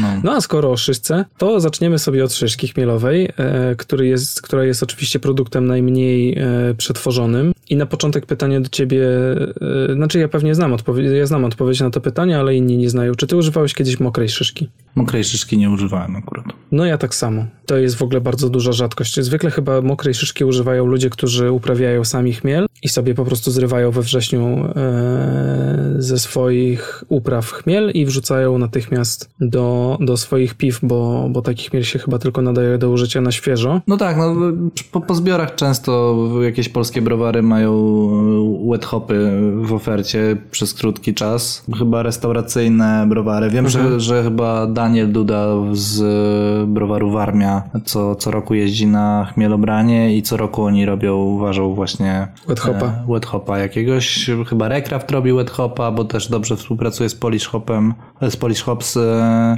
No generalnie te, te, te wet u nas w Polsce oczywiście są z polskiej szyszki, no bo nie ma dostępu do żadnej innej. I ja chyba piłem jedno w ogóle takie piwo, bo nie miałem dostępu do tego i nie jest to nic jakiegoś fenomenalnego moim zdaniem. Znaczy, no jeżeli bierzesz pod uwagę swoje własne, jeżeli ty uprawiasz chmiel i sobie własny chmiel wrzucasz, to satysfakcja jest dodatkowa, że, że własnego chmielu użyłeś. Nie, no jasne, chyba w takim ten- wypadku tak, tak, tak. No, tak mi się wydaje, że to jest, e, że to jest taki, e, taka wartość dodana do tego, a poza tym to, to z aspektu sportowego nie ma to doświadczenie, to, to Te, dokonanie. też mi się tak wydaje, też mi się tak wydaje. E, no ale w, dużo częściej używa się szyszki suszonej. Tak. I tutaj ja mam doświadczenie, ale nie wiem, czy ty masz. Ja mam, tak. Kilka razy mi się zdarzyło szyszkę, e, szyszką chmielić i głównie szyszką chmielić do, do kotła. Na zimno chyba nie wrzucałem nigdy, albo może raz mi się zdarzyło, ale nie, nie pamiętam tego. E, Do kotła chmieliłem szyszką i, i to było fajne nawet. A co masz na myśli? Fajne, fajne jest to, że dużo łatwiej jest odfiltrować tę szyszkę i dużo łatwiej jest, no bo granulat się rozpada i generalnie jest mazią, musisz zrobić whirlpool, musisz tam się nastarać, żeby jakąś pończochę założyć albo coś, żeby, żeby to nie przeleciało do, do piwa. A szyszkę, jak założysz druciak albo założysz jakiś, jakiś filtr na koniec wężyka, no to ci nic nie przepuści, tak? To, bo bo to jest częścią stałą. Znaczy, jest wiek, wiek, większy element i, i łatwiej jest to odfiltrować. Mhm, mhm, mhm, mhm. No tak, no ale też oczywiście pobór ym, brzeczki jest większy. Yy, Co masz na myśli mówiąc pobór brzeczki? Mam na myśli to, że jeżeli szyszka jest sucha, to ona więcej wypije e, A, brzeczki z... W chłonie więcej W chłonie, tak. Tak, i tutaj e, to ukłon w stronę incognito hops.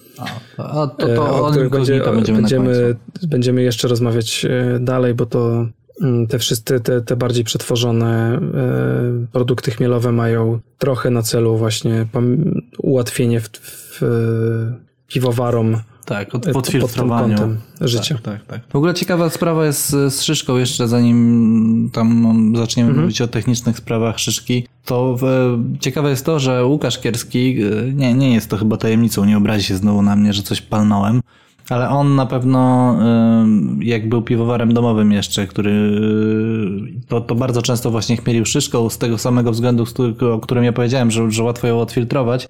I pamiętam, że jak ja się uczyłem e, ważenia między innymi na jego notatkach e, na piwoorgu, to on bardzo w którymś tam poście ubolewał nad tym, że nie może kupić teraz tej szyszki, tylko już jest tylko granulat i że szyszki nie ma tych, tych najfajniejszych odmian, których on chciał używać i, i że do dupy generalnie, więc e, to nie tylko ja mam takie przemyślenia, że tą szyszkę do, dość łatwo było odfiltrować i dużo, no ułatwia to mm, proces, proces przedawania do fermentora. No.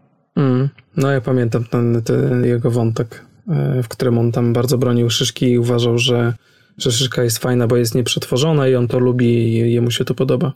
Mm, Polecamy sobie w ogóle e, przejrzeć ten wątek na piwo.orgu. Tak, ja też bardzo polecam. Jest tam dużo przemyśleń na temat dzikich drożdży.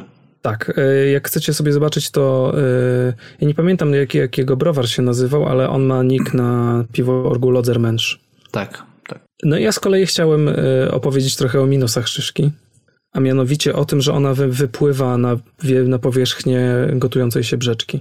Bo ja szyszki używałem tylko e, le, starzonej, leżakowanej, utlenionej do e, piw w stylu lambici. I, I to był zawsze problem, że ta szyszka wypływała na powierzchnię i ja zawsze jak gotowałem to w worku. Nie wiem, czy ty używałeś worka, czy luzem sypałeś Nie, ja szyszkę? luzem sypałem, ja luzem sypałem. Rzeczywiście ona wypływa, ale jak namoknie już, jak, jak już sypniesz na goryczkę, to ona na, nama, nama, namacza się i opada raczej.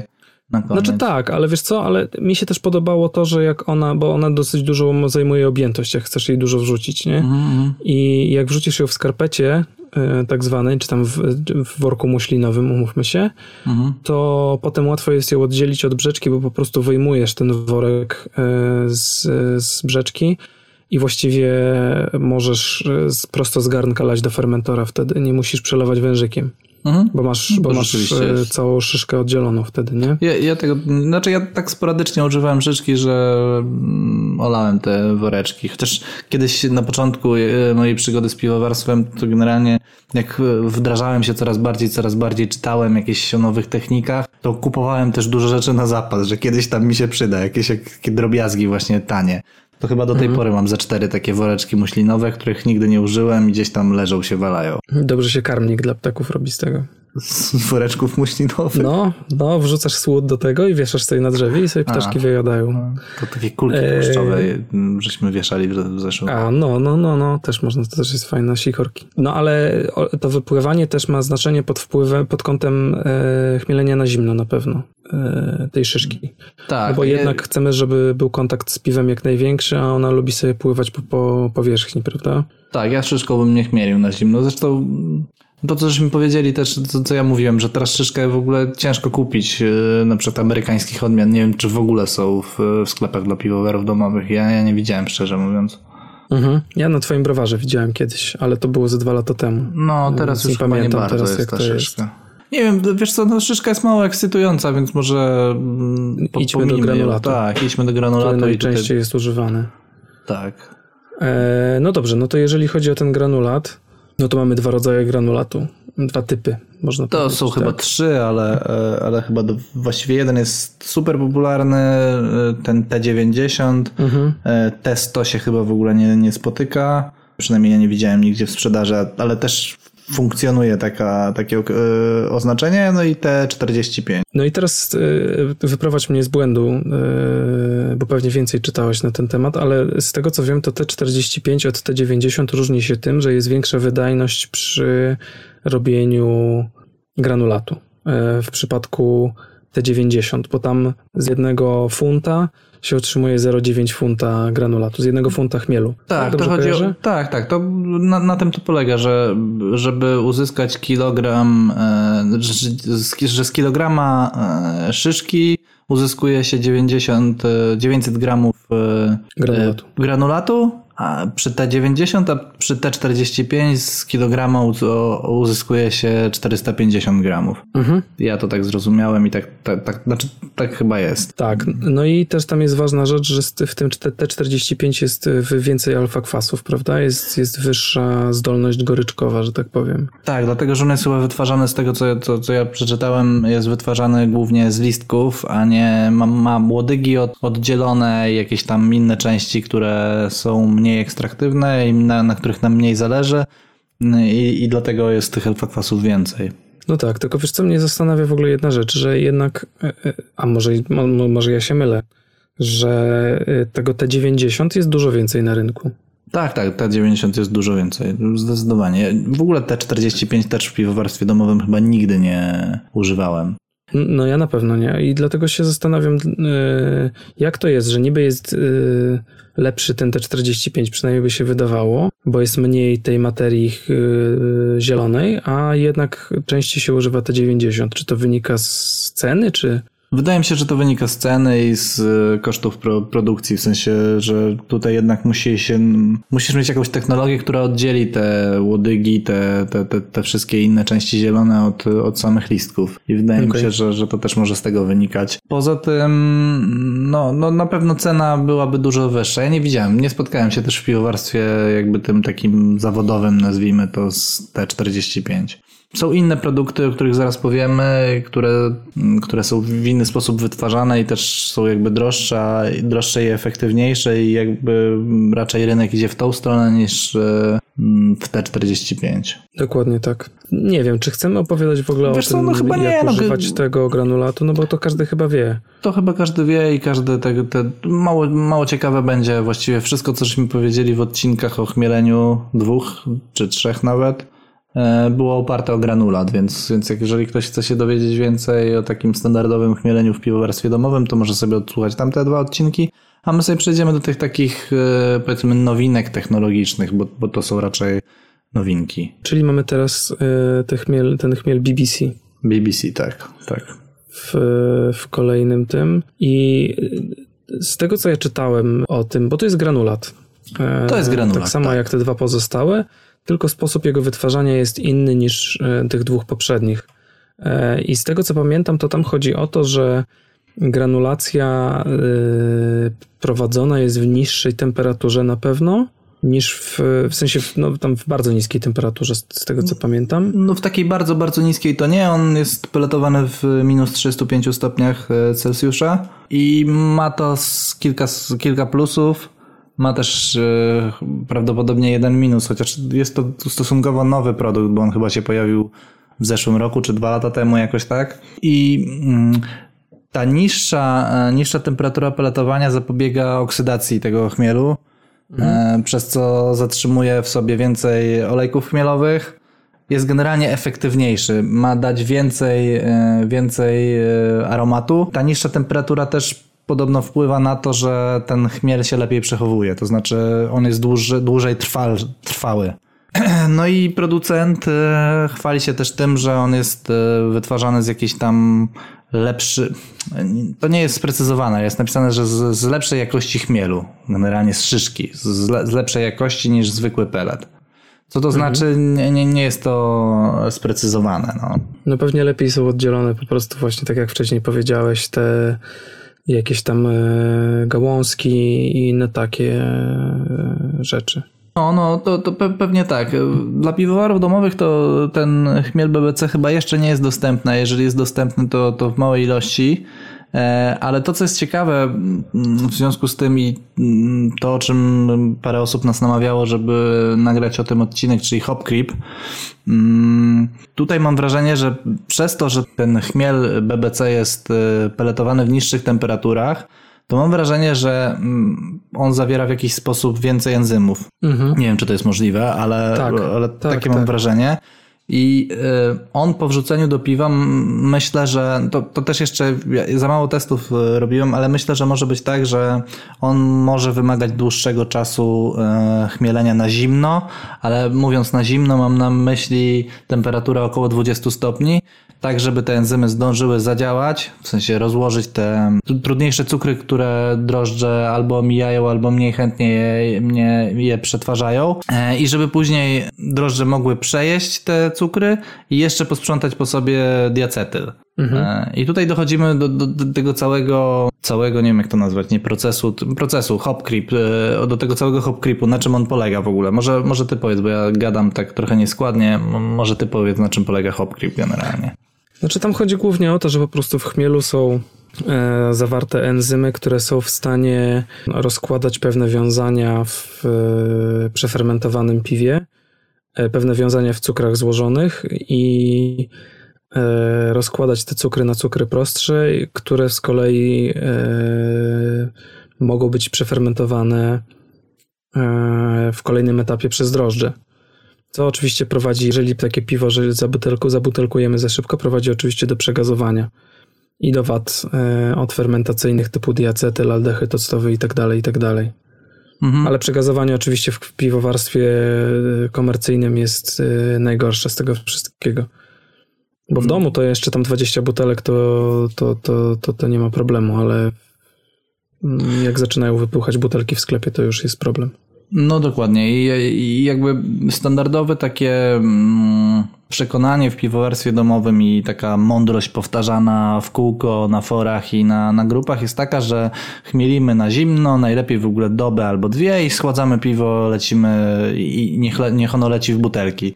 I przy takim działaniu właśnie ten hop może się pojawić rzeczywiście, bo po prostu enzymy później w butelce zaczną działać, drożdże się obudzą i zaczną dojadać te cukry, które, które im będą odpowiadać. Piwo się przegazuje to raz, a dwa, że ten diacetyl się może pojawić, który nie, niekoniecznie może się zredukować, dlatego że e, w zależności od tego, jakie to piwo i ile zostało cukrów resztkowych, to te enzymy potrafią nawet e, jakby zwiększyć e, fermentowalność brzeczki czy tam piwa o dwa plato. W sensie jeszcze dwa, potrafią wytworzyć dwa plato do zjedzenia dla drożdży.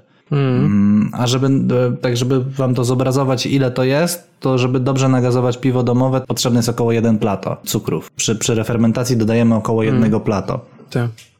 Do, do całości, żeby, żeby piwo się nagazowało. Więc jeżeli te enzymy podziałają, no to po, po, po prostu możemy mieć granaty w najgorszym wypadku. W, naj, w najlepszym będzie po prostu przegazowanie, być może bez diacetylu, bo, bo, bo drożdże w końcu posprzątają, te, posprzątają ten diacetyl. No.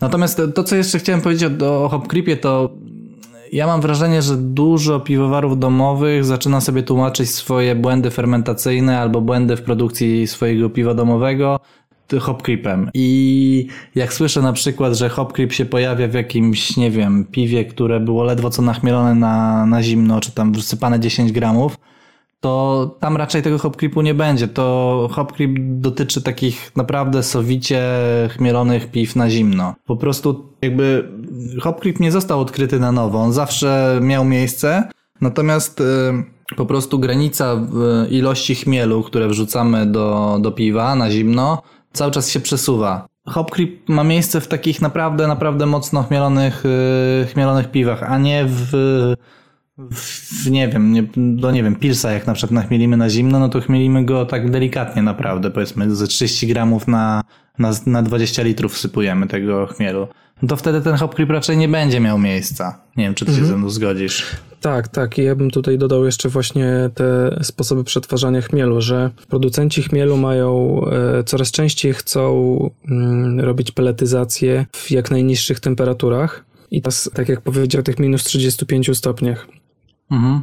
To jeszcze 2-3 lata temu no bo jak wyobrazicie sobie sposób e, robienia peletu, czy granulatu, to tam po prostu jest to wszystko prasowane. A oczywiście t- przy, w trakcie prasowania po, powstaje tarcie i rozgrzewa się to wszystko. I jeżeli nie chłodzimy maszyny, do, która całego układu, w którym em, prasujemy, to te enzymy, te enzymy będą nam się rozkładać. I dlatego jeszcze 2-3 lata temu y, to nie było aż takim dużym problemem, bo w trakcie robienia peletu po prostu y, te enzymy się rozkładały. Ale przy okazji traciliśmy aromat. I, i teraz e, producenci chmielu idą w stronę e, coraz bardziej aromatycznego chmielu i przez to muszą obniżać temperaturę, no ale w, ten, w, w tym samym czasie w chmielu zostają też te enzymy. I to jest kolejny ten, te, też ten aspekt, dlaczego ten hop creep stał się takim mm, modnym słowem w ostatnim czasie.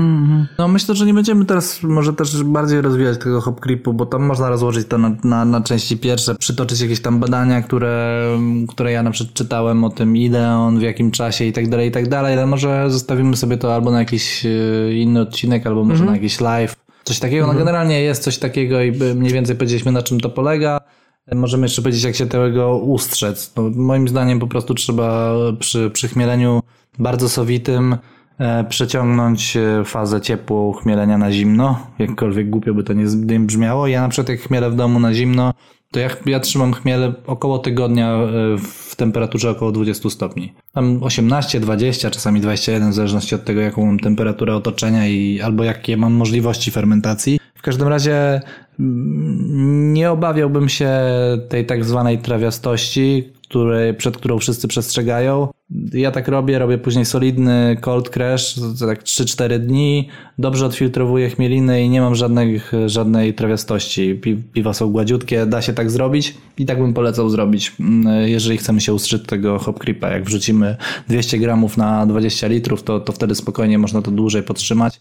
I zresztą zobaczycie, że zobaczycie aktywność bulkadełka e, w fermentorze. To co, przejdziemy do, do następnego? Tak, tak. No i teraz mamy cryohops, tak? Kolejny. Tak, ja bym chyba poszedł w cryohops z tego względu, że to też jest po- podobny sposób e, e, wytwarzania go. Tam też są bardzo niskie temperatury i tutaj rzeczywiście one są bardzo niskie, dlatego że to się, ty będziesz pewnie wiedział, bo ja to tylko przeczytałem i nie za bardzo wiem, co to, co to znaczy, ale tam e, w opisie e, jakby takim marketingowym cryohops jest, że one są, że on jest peletowany w temperaturach kriogenicznych, tak? Kriogeniczne chyba tak to się nazywa. E, Nie wiem, czy ty wiesz o co chodzi, ale... No to to jest to pewnie albo s- suchy lód w temperaturach suchego lodu, albo ciekłego azotu, więc y, albo minus 76 stopni, albo minus y, 196 stopni. Tak, mi się wydaje, że to jest, że, że o kriogenicznych temperaturach się mówi o, od minus 150, tam gdzieś mignęło kiedyś. To ma te, tą samą zaletę, co ten chmiel BBC po prostu. Mm, Ale oprócz tego różni się też od tego chmielu tym, że mm, jest to właściwie mm, pył. Ten, to cryohops No też właśnie wydaje mi się, że, że to tak jak z, tą, z tym eksperymentem z różą, jakiś się robi z ciekłym azotem, że wkładasz różę do ciekłego azotu, a potem możesz ją młotkiem rozbić. E, To tam ma to samo do czyn- to samo się dzieje, że się kruche dużo bardziej stoją te szyszki i można je drobniej zmielić wtedy przez to. Też, natomiast e, zauważ, że jak e, spojrzysz na cryohops, to ono ma zazwyczaj 20 parę procent alfa kwasów. Mhm. E, Więc e, on jest też wytwarzany z, tylko i wyłącznie właśnie z liści szyszek, ma, mając całą, całe te zielone łodygowe części oddzielone i jakby nieużywane do tego, do tego cryohops. I często ludzie, jakby jeszcze a propos formy tego cryohops, to jest owszem pył, natomiast on też jest w formie peletu, bo on jest jakby zbity w pelet, natomiast jak się go rozetrze w rękach, no to jest, jest po prostu proszkiem. Bo często ludzie wyjmują to z paczki i mówią, że to wygląda dokładnie tak samo jak pelet.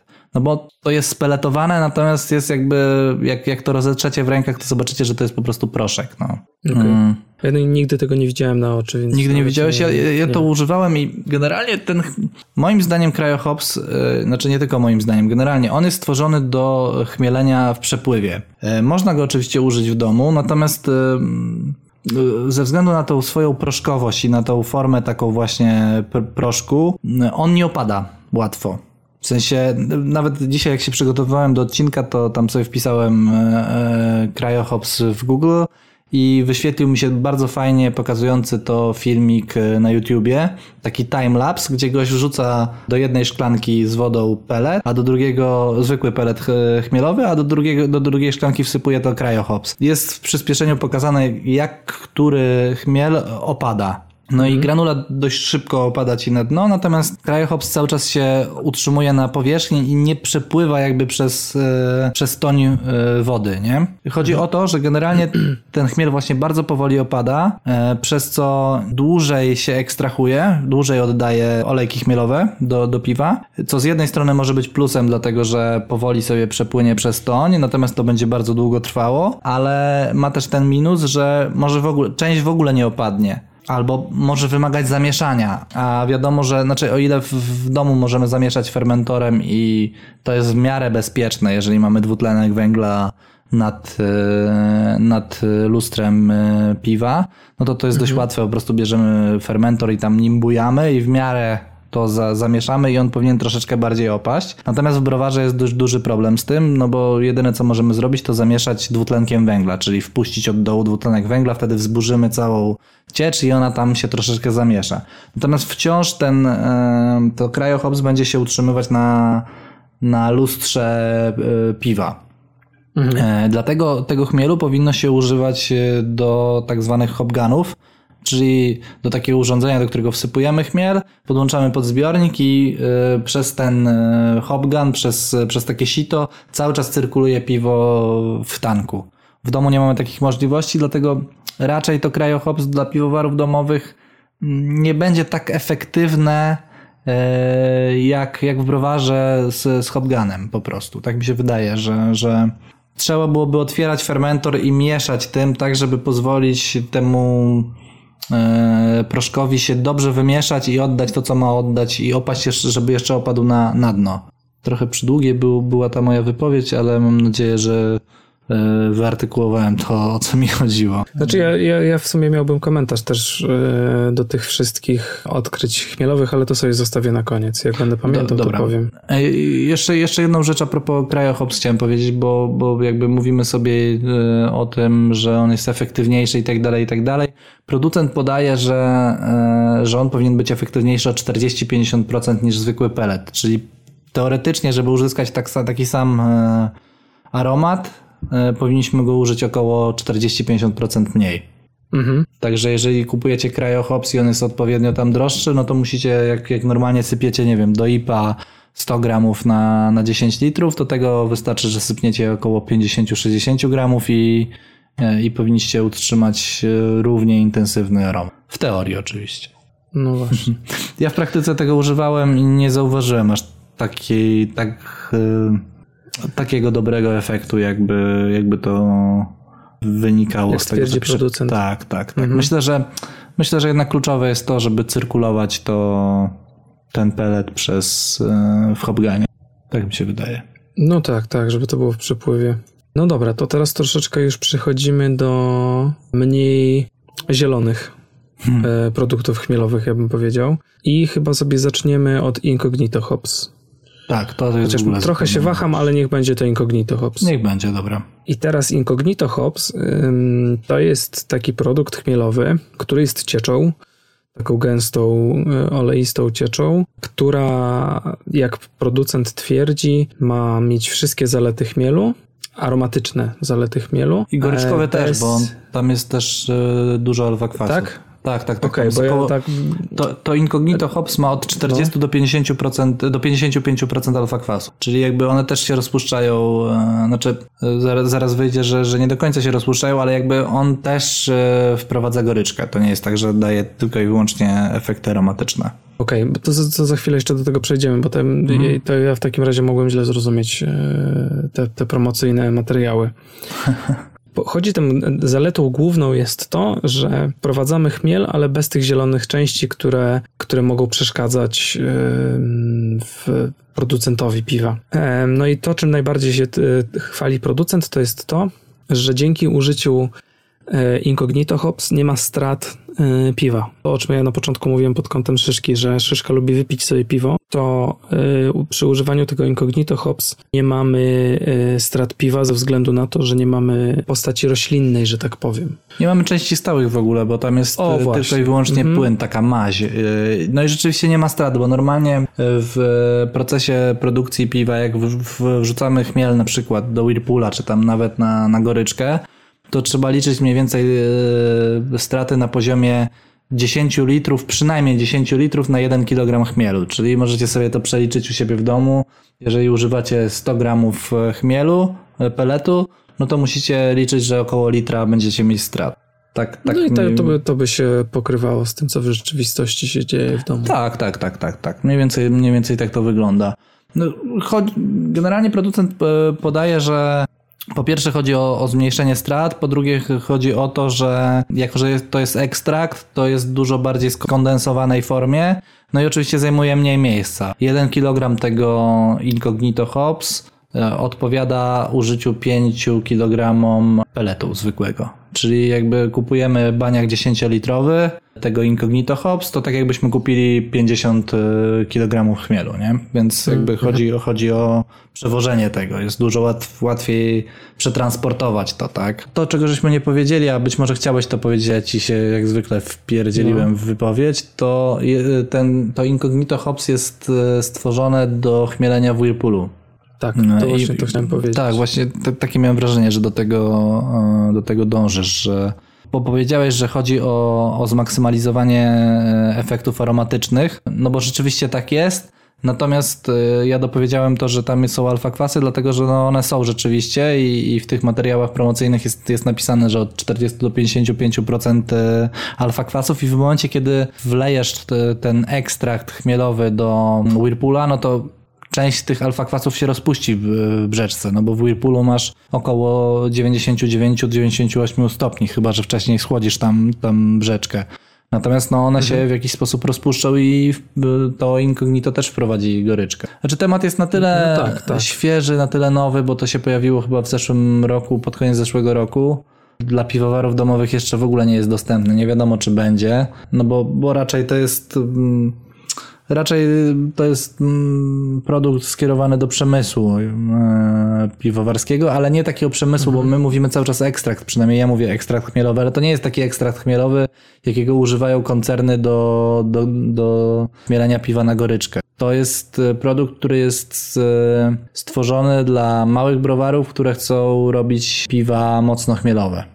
Znaczy wiesz co, ja, ja myślę, że jak już zaczepi, zaczepiliśmy trochę o temat piwo, ty, pi, piwowarstwa domowego pod kątem tych produktów, to ja myślę, że w końcu tak czy inaczej ktoś zacznie z tego korzystać. Nie, no wiadomo. E, bo to Incognito Hops i te kolejne produkty, o których mówimy, znaczy będziemy mówić, e, mają na celu zwiększenie, nie tylko zwiększenie wydajności, ale też zwiększenie aromatu chmielowego. I piwowarze domowi, szczególnie ci, którzy lubią wysyłać piwa na konkursy, myślę, że zaczną bardzo szybko używać e, e, tych różnych produktów. Pewnie masz rację, pewnie masz rację. No, generalnie chodzi o to, żeby zrobić e, jak najbardziej aromatyczne piwo i mieć przy tym jak najmniejsze straty i zrobić to w dość prosty sposób. No, wiadomo, że dużo łatwiej jest e, dolać ekstraktu jakiegoś e, niż wsypać e, granulat, który weźmie w siebie ileś tam brzeczki, czy tam piwa później na zimno i w jakiś sposób rozpuszczą się też części zielone, czyli, czyli znaczy części zielone, właśnie nie lubię tego określenia, a cały czas No go w butelce na przykład i będzie potem gryzące to piwo. Będzie albo gryzące, Będzie albo będzie trawiaste w ogóle. Ten, Tak. To incognito ma teoretycznie tych trawiastych nut nie wprowadzać w ogóle. Ma, ma być tylko, e, ma dawać tylko i wyłącznie owocowy aromat. e, Dokładnie tak. E, chciałbyś coś jeszcze o Incognito? Chcemy coś Nie, nie, myślę, że nie. I tak powiedzieliśmy za dużo chyba, bo, bo to jest tak świeży produkt, że niewiele o nim wiadomo i, i chyba w Polsce jeszcze nikt nie, nie używał go. Chyba tak. E, ale a propos w ogóle e, ekstraktów chmielowych, to też chciałem wspomnieć o tym wcześniej. Nie, nie ustalaliśmy, że będziemy o tym mówić, ale teraz mi się przypomniało, że do, i dobrze by było powiedzieć o tych ekstraktach goryczkowych, że też e, one są dostępne i to chyba nawet dużo szerzej. I można ich, ich jak najbardziej używać w domu, bo wiem, że w Twoim browarze one były kiedyś. Tak, chyba do tej pory są. Tak. Nie, nie ma jakiegoś dużego wyboru, ale to raczej chodzi. Wiesz co, w Polsce kilka browarów używało to do piw kwaśnych. Żeby jakby zakwasić brzeczkę, no to nie możesz mieć rozpuszczonych alfa kwasów, tak? I, I było to dodawane jakby po procesie zakwaszania piwa. By, Było dodawane, dodawany ekstrakt, żeby podbić goryczkę, no bo nie, nie, nie miałeś już jak wsypać chmielu na goryczkę. Mm, Więc do piw kwaśnych, w których ma być goryczka, to, to jest fajna opcja. Znaczy mi się też podoba pod kątem Double IPA. Wiem, że w Stanach na przykład Michael Tonsmeyer, e, The Mad Fermentationist, e, obczaić jego, jego blog, że on do Double IPA e, często dodawał to, żeby podbić goryczkę do, do poziomu Double IPA, ale żeby nie wrzucać za dużo chmielu na goryczkę. Mhm, czyli żeby tej- mieć, Żeby mieć goryczkę, ale nie mieć trawiastości po prostu. mm, żeby mieć fajnej jakości goryczkę. No to jest też Tak, jakiś, jakaś tak, opcja. no. tak, tak. I ja myślę, że to jest właśnie super pod kątem goryczkowania, bez e, obaw o to, że będzie trawiasta ta goryczka jakaś zalegająca, czy jakaś tam taka nieprzyjemna, nie? No jasne, jasne. No dobra, y, to o tym tyle i teraz y, hops oil mamy, tak? Kolejne, czy coś jeszcze było? O czym ja Nie, chyba, chyba został nam hops oil, czyli, czyli olejek, olejki chmielowe, które właściwie ostatnio są, e, znaczy ostatnio, ostatnio jak nagrywamy ten odcinek są popularne ze względu na to, że Dorota napisała akurat o nich, Dorota Chrapek u siebie na, na blogu, więc myślę, że dużo piwowarów domowych przeczytało ten artykuł. No i co to jest ten hops oil? Ja, ja chyba, ja, ja, ja piłem ze dwa piwa na, tych hops, hop, na tym hops oil, ale nie, nie używałem tego. Znaczy, wydaje mi się, że to jest e, destylat po prostu olejków chmielowych, samych, aromatycznych. Tych, które mają tylko aromat wprowadzać i tym się różni od e, incognito hops. Tak, tak, też mi się tak wydaje. Nawet kiedyś mieliśmy taki pomysł, pamiętasz, jak, jak ważyliśmy któreś piwo, żeby spróbować samemu to zrobić. Znaczy, żebyś Tak. ty to zrobił u siebie w, lab, w labie, ale okazało się to zbyt, y, zbyt czasochłonne, tak? Albo. Znaczy albo... przede wszystkim tam sprzętu jeszcze strasznie dużo trzeba by mieć. Mhm, e, No i, i, i zbyt skomplikowane po prostu się okazało. Okej. Czyli hop oil to jest y, wydestylowane, wydestylowane olejki chmielowe z szyszki. Tak mi się wydaje. No ja nie, nie wiem, bo oczywiście producent nie będzie zdradzał e, technologii wytwarzania tego, ale tak strzelam, że albo to była destylacja jakaś w niskiej temperaturze, albo jakaś sublimacja i te, takie, te, takie sprawy. No w 100% E, ale na jest pewno to... tam nie gory, goryczki nie wnosi e, Tak, tak, ten tak, hops oil. To, co jest ważne przy hops oil, e, to to, że mm, tam trzeba, że ten hops, e, że te olejki chmielowe nie rozpuszczają się w piwie, dodane od tak po prostu, nalane z tej, z tej fiolki, tylko że trzeba je odpowiednio przygotować i trzeba je wcześniej rozpuścić w spirytusie najlepiej. E, Dorota u siebie na blogu Ona mówi, tutaj teraz czytam, e, najlepiej, że najlepiej jest go rozrobić w stosunku 1 do 5, a producent podaje proporcje od 1, 1 do 1 do 1 do 10. Okej, okej. E, Te- te olejki chmielowe podaje tego- tutaj etanol 60%. A, 60%, No, no, czyli wódka ma Tak, 40%. Wódka też jest napisane, że e, może być e, etanol 60% albo po prostu wódka jest tak napisane Okej. na blogu. Z Znaczy tego, nie co pamiętam, w sklepie. Mhm. Z tego co pamiętam, tam e, te, te fiolki, te, które są sprzedawane dla, dla piwowarów domowych, to jest chyba 2,3 ml w tej fiolce Mhm, jest. E, tak. I oni podają, że chyba 1 ml wystarczy na, na 20 litrów. Tak mi się wydaje. Od 20 do 23 litrów piwa. Okej. Czyli taka standardowa amerykańska warka 23 litry to, to Grainfather ma. 6 galonów. Mhm. Tak, 6 galonów. E, wiesz co, no ja, bym- ja, ja piłem kiedyś piwo od e, Hołdy Chmielu, pozdrawiam. Oni mi dali piwo jedno, to, to samo piwo, e, tak samo chmielone w kotle, później było podzielone na dwie, dwie części. Jedno było nachmielone peletem azakki, a drugie było nachmielone azakką z tego hopsoil. E, I nie pamiętam ile oni użyli tego hopsoil, natomiast te piwa były bardzo podobne, e, więc jak najbardziej e, działa ten hopsoil, natomiast ja nie zauważyłem różnicy w jakości goryczki wtedy. W sensie jedno i drugie to piwo miało taką sobie goryczkę. Tak jakby to chmielenie na zimno azakką nie wpłynęło jakoś znacząco na goryczkę i ta goryczka po prostu wyszła taka sobie już jakby z procesu gorącego, nie? Mhm. Natomiast aromat rzeczywiście był bardzo zbliżony i jeżeli chodzi o intensywność tego aromatu i o, jeżeli chodzi o jakość. Ja nie byłem w stanie wskazać, które piwo było, byłoby w jakikolwiek sposób znacząco inne. One się czymś tam różniły, natomiast nie, nie, nie byłem w stanie wskazać, o to było na olejkach, a to było na, na, na pelecie, nie? Więc je- jest to fajne rozwiązanie. Ja mam w planach, y, jak, jak będę miał troszeczkę więcej czasu, być może w święta, mm, w okresie świątecznym teraz, być może po- potestuję trochę te, to, to Hopsoil, bo ciekawy temat, dlatego że wydaje się, że to jest produkt, y, który jest zgodny z duchem kraftu, bo jednak jest wytworzony w 100% z szyszki i wydaje się, że to jest właśnie po prostu destylat, znaczy wydestylowane e, olejki. Olejki. Więc wy, wydaje mi się, że, że, że to, to może być naprawdę ba, bardzo fajne, dawać bardzo fajne efekty. I też bez strat, nie? No bo jednak e, używasz samego olejku i nie masz strat żadnych. Mi się podoba to pod kątem e, dochmielania. W sensie chmielisz Mhm. na zimno, normalnie granulatem i jeszcze dolewasz sobie olejku. Mhm, Coś poszło nie tak, Eee. albo masz za mało... Nawet No. nie o to chodzi, tylko żeby to było po prostu, e, może to wypikamy potem, żeby to było spierdolnięciem takim, wiesz, Mhm. e, ten, ten aromat chmielowy tak, jak w IPach powinno być, nie? Przynajmniej czyli- w idealnej teorii. Czyli jakby chciałby, chciał, chciałbyś wrzucić trochę peletu, żeby uzyskać jakiś tam aromat, ale nie wrzucać go za dużo, żeby nie mieć jakichś trawiastych e, e, Tak. akcji, żeby nie mieć problemu z odfiltrowaniem tego i zawiesiną, tylko dowalić resztę aromatu z tymi olejkami. No, Tak, czyli- poza tym e, producent twierdzi, że ten aromat z, tych, z tego hop soil jest, e, jeżeli nie tak samo, to znaczy, jeżeli nie bardziej trwały, to tak samo trwały jak z chmielu. Ale wydaje mi się, że to idzie wszystko bardziej, ta reklama w stosunku, w, stronę tego, że jest bardziej trwały ten aromat chmielowy w Tak, ja czy, z tego co czytałem, to on ma być dużo trwalszy. Czy jest, to, to, inna sprawa. Wiesz, no, No nie, nie, no ja wiem, reklama reklamą, a sprawiedliwość musi być po naszej stronie. tak. Poza tym e, jednak mm, masz e, tyle innych e, elementów, które wpływają później na jakość tego aromatu, utleniania, jakieś takie rzeczy, że, że myślę, że, że ciężko jest stwierdzić jednoznacznie, czy te olejki chmielowe rzeczywiście się dłużej utrzymują. Mhm, mhm. No Dobra, to chyba mamy wszystko, co na dzisiaj Tak. ten. Mówiłeś, że na koniec będziesz chciał coś A, powiedzieć. że będę miał komentarz, tak. No. Yy, yy, zapomniałem.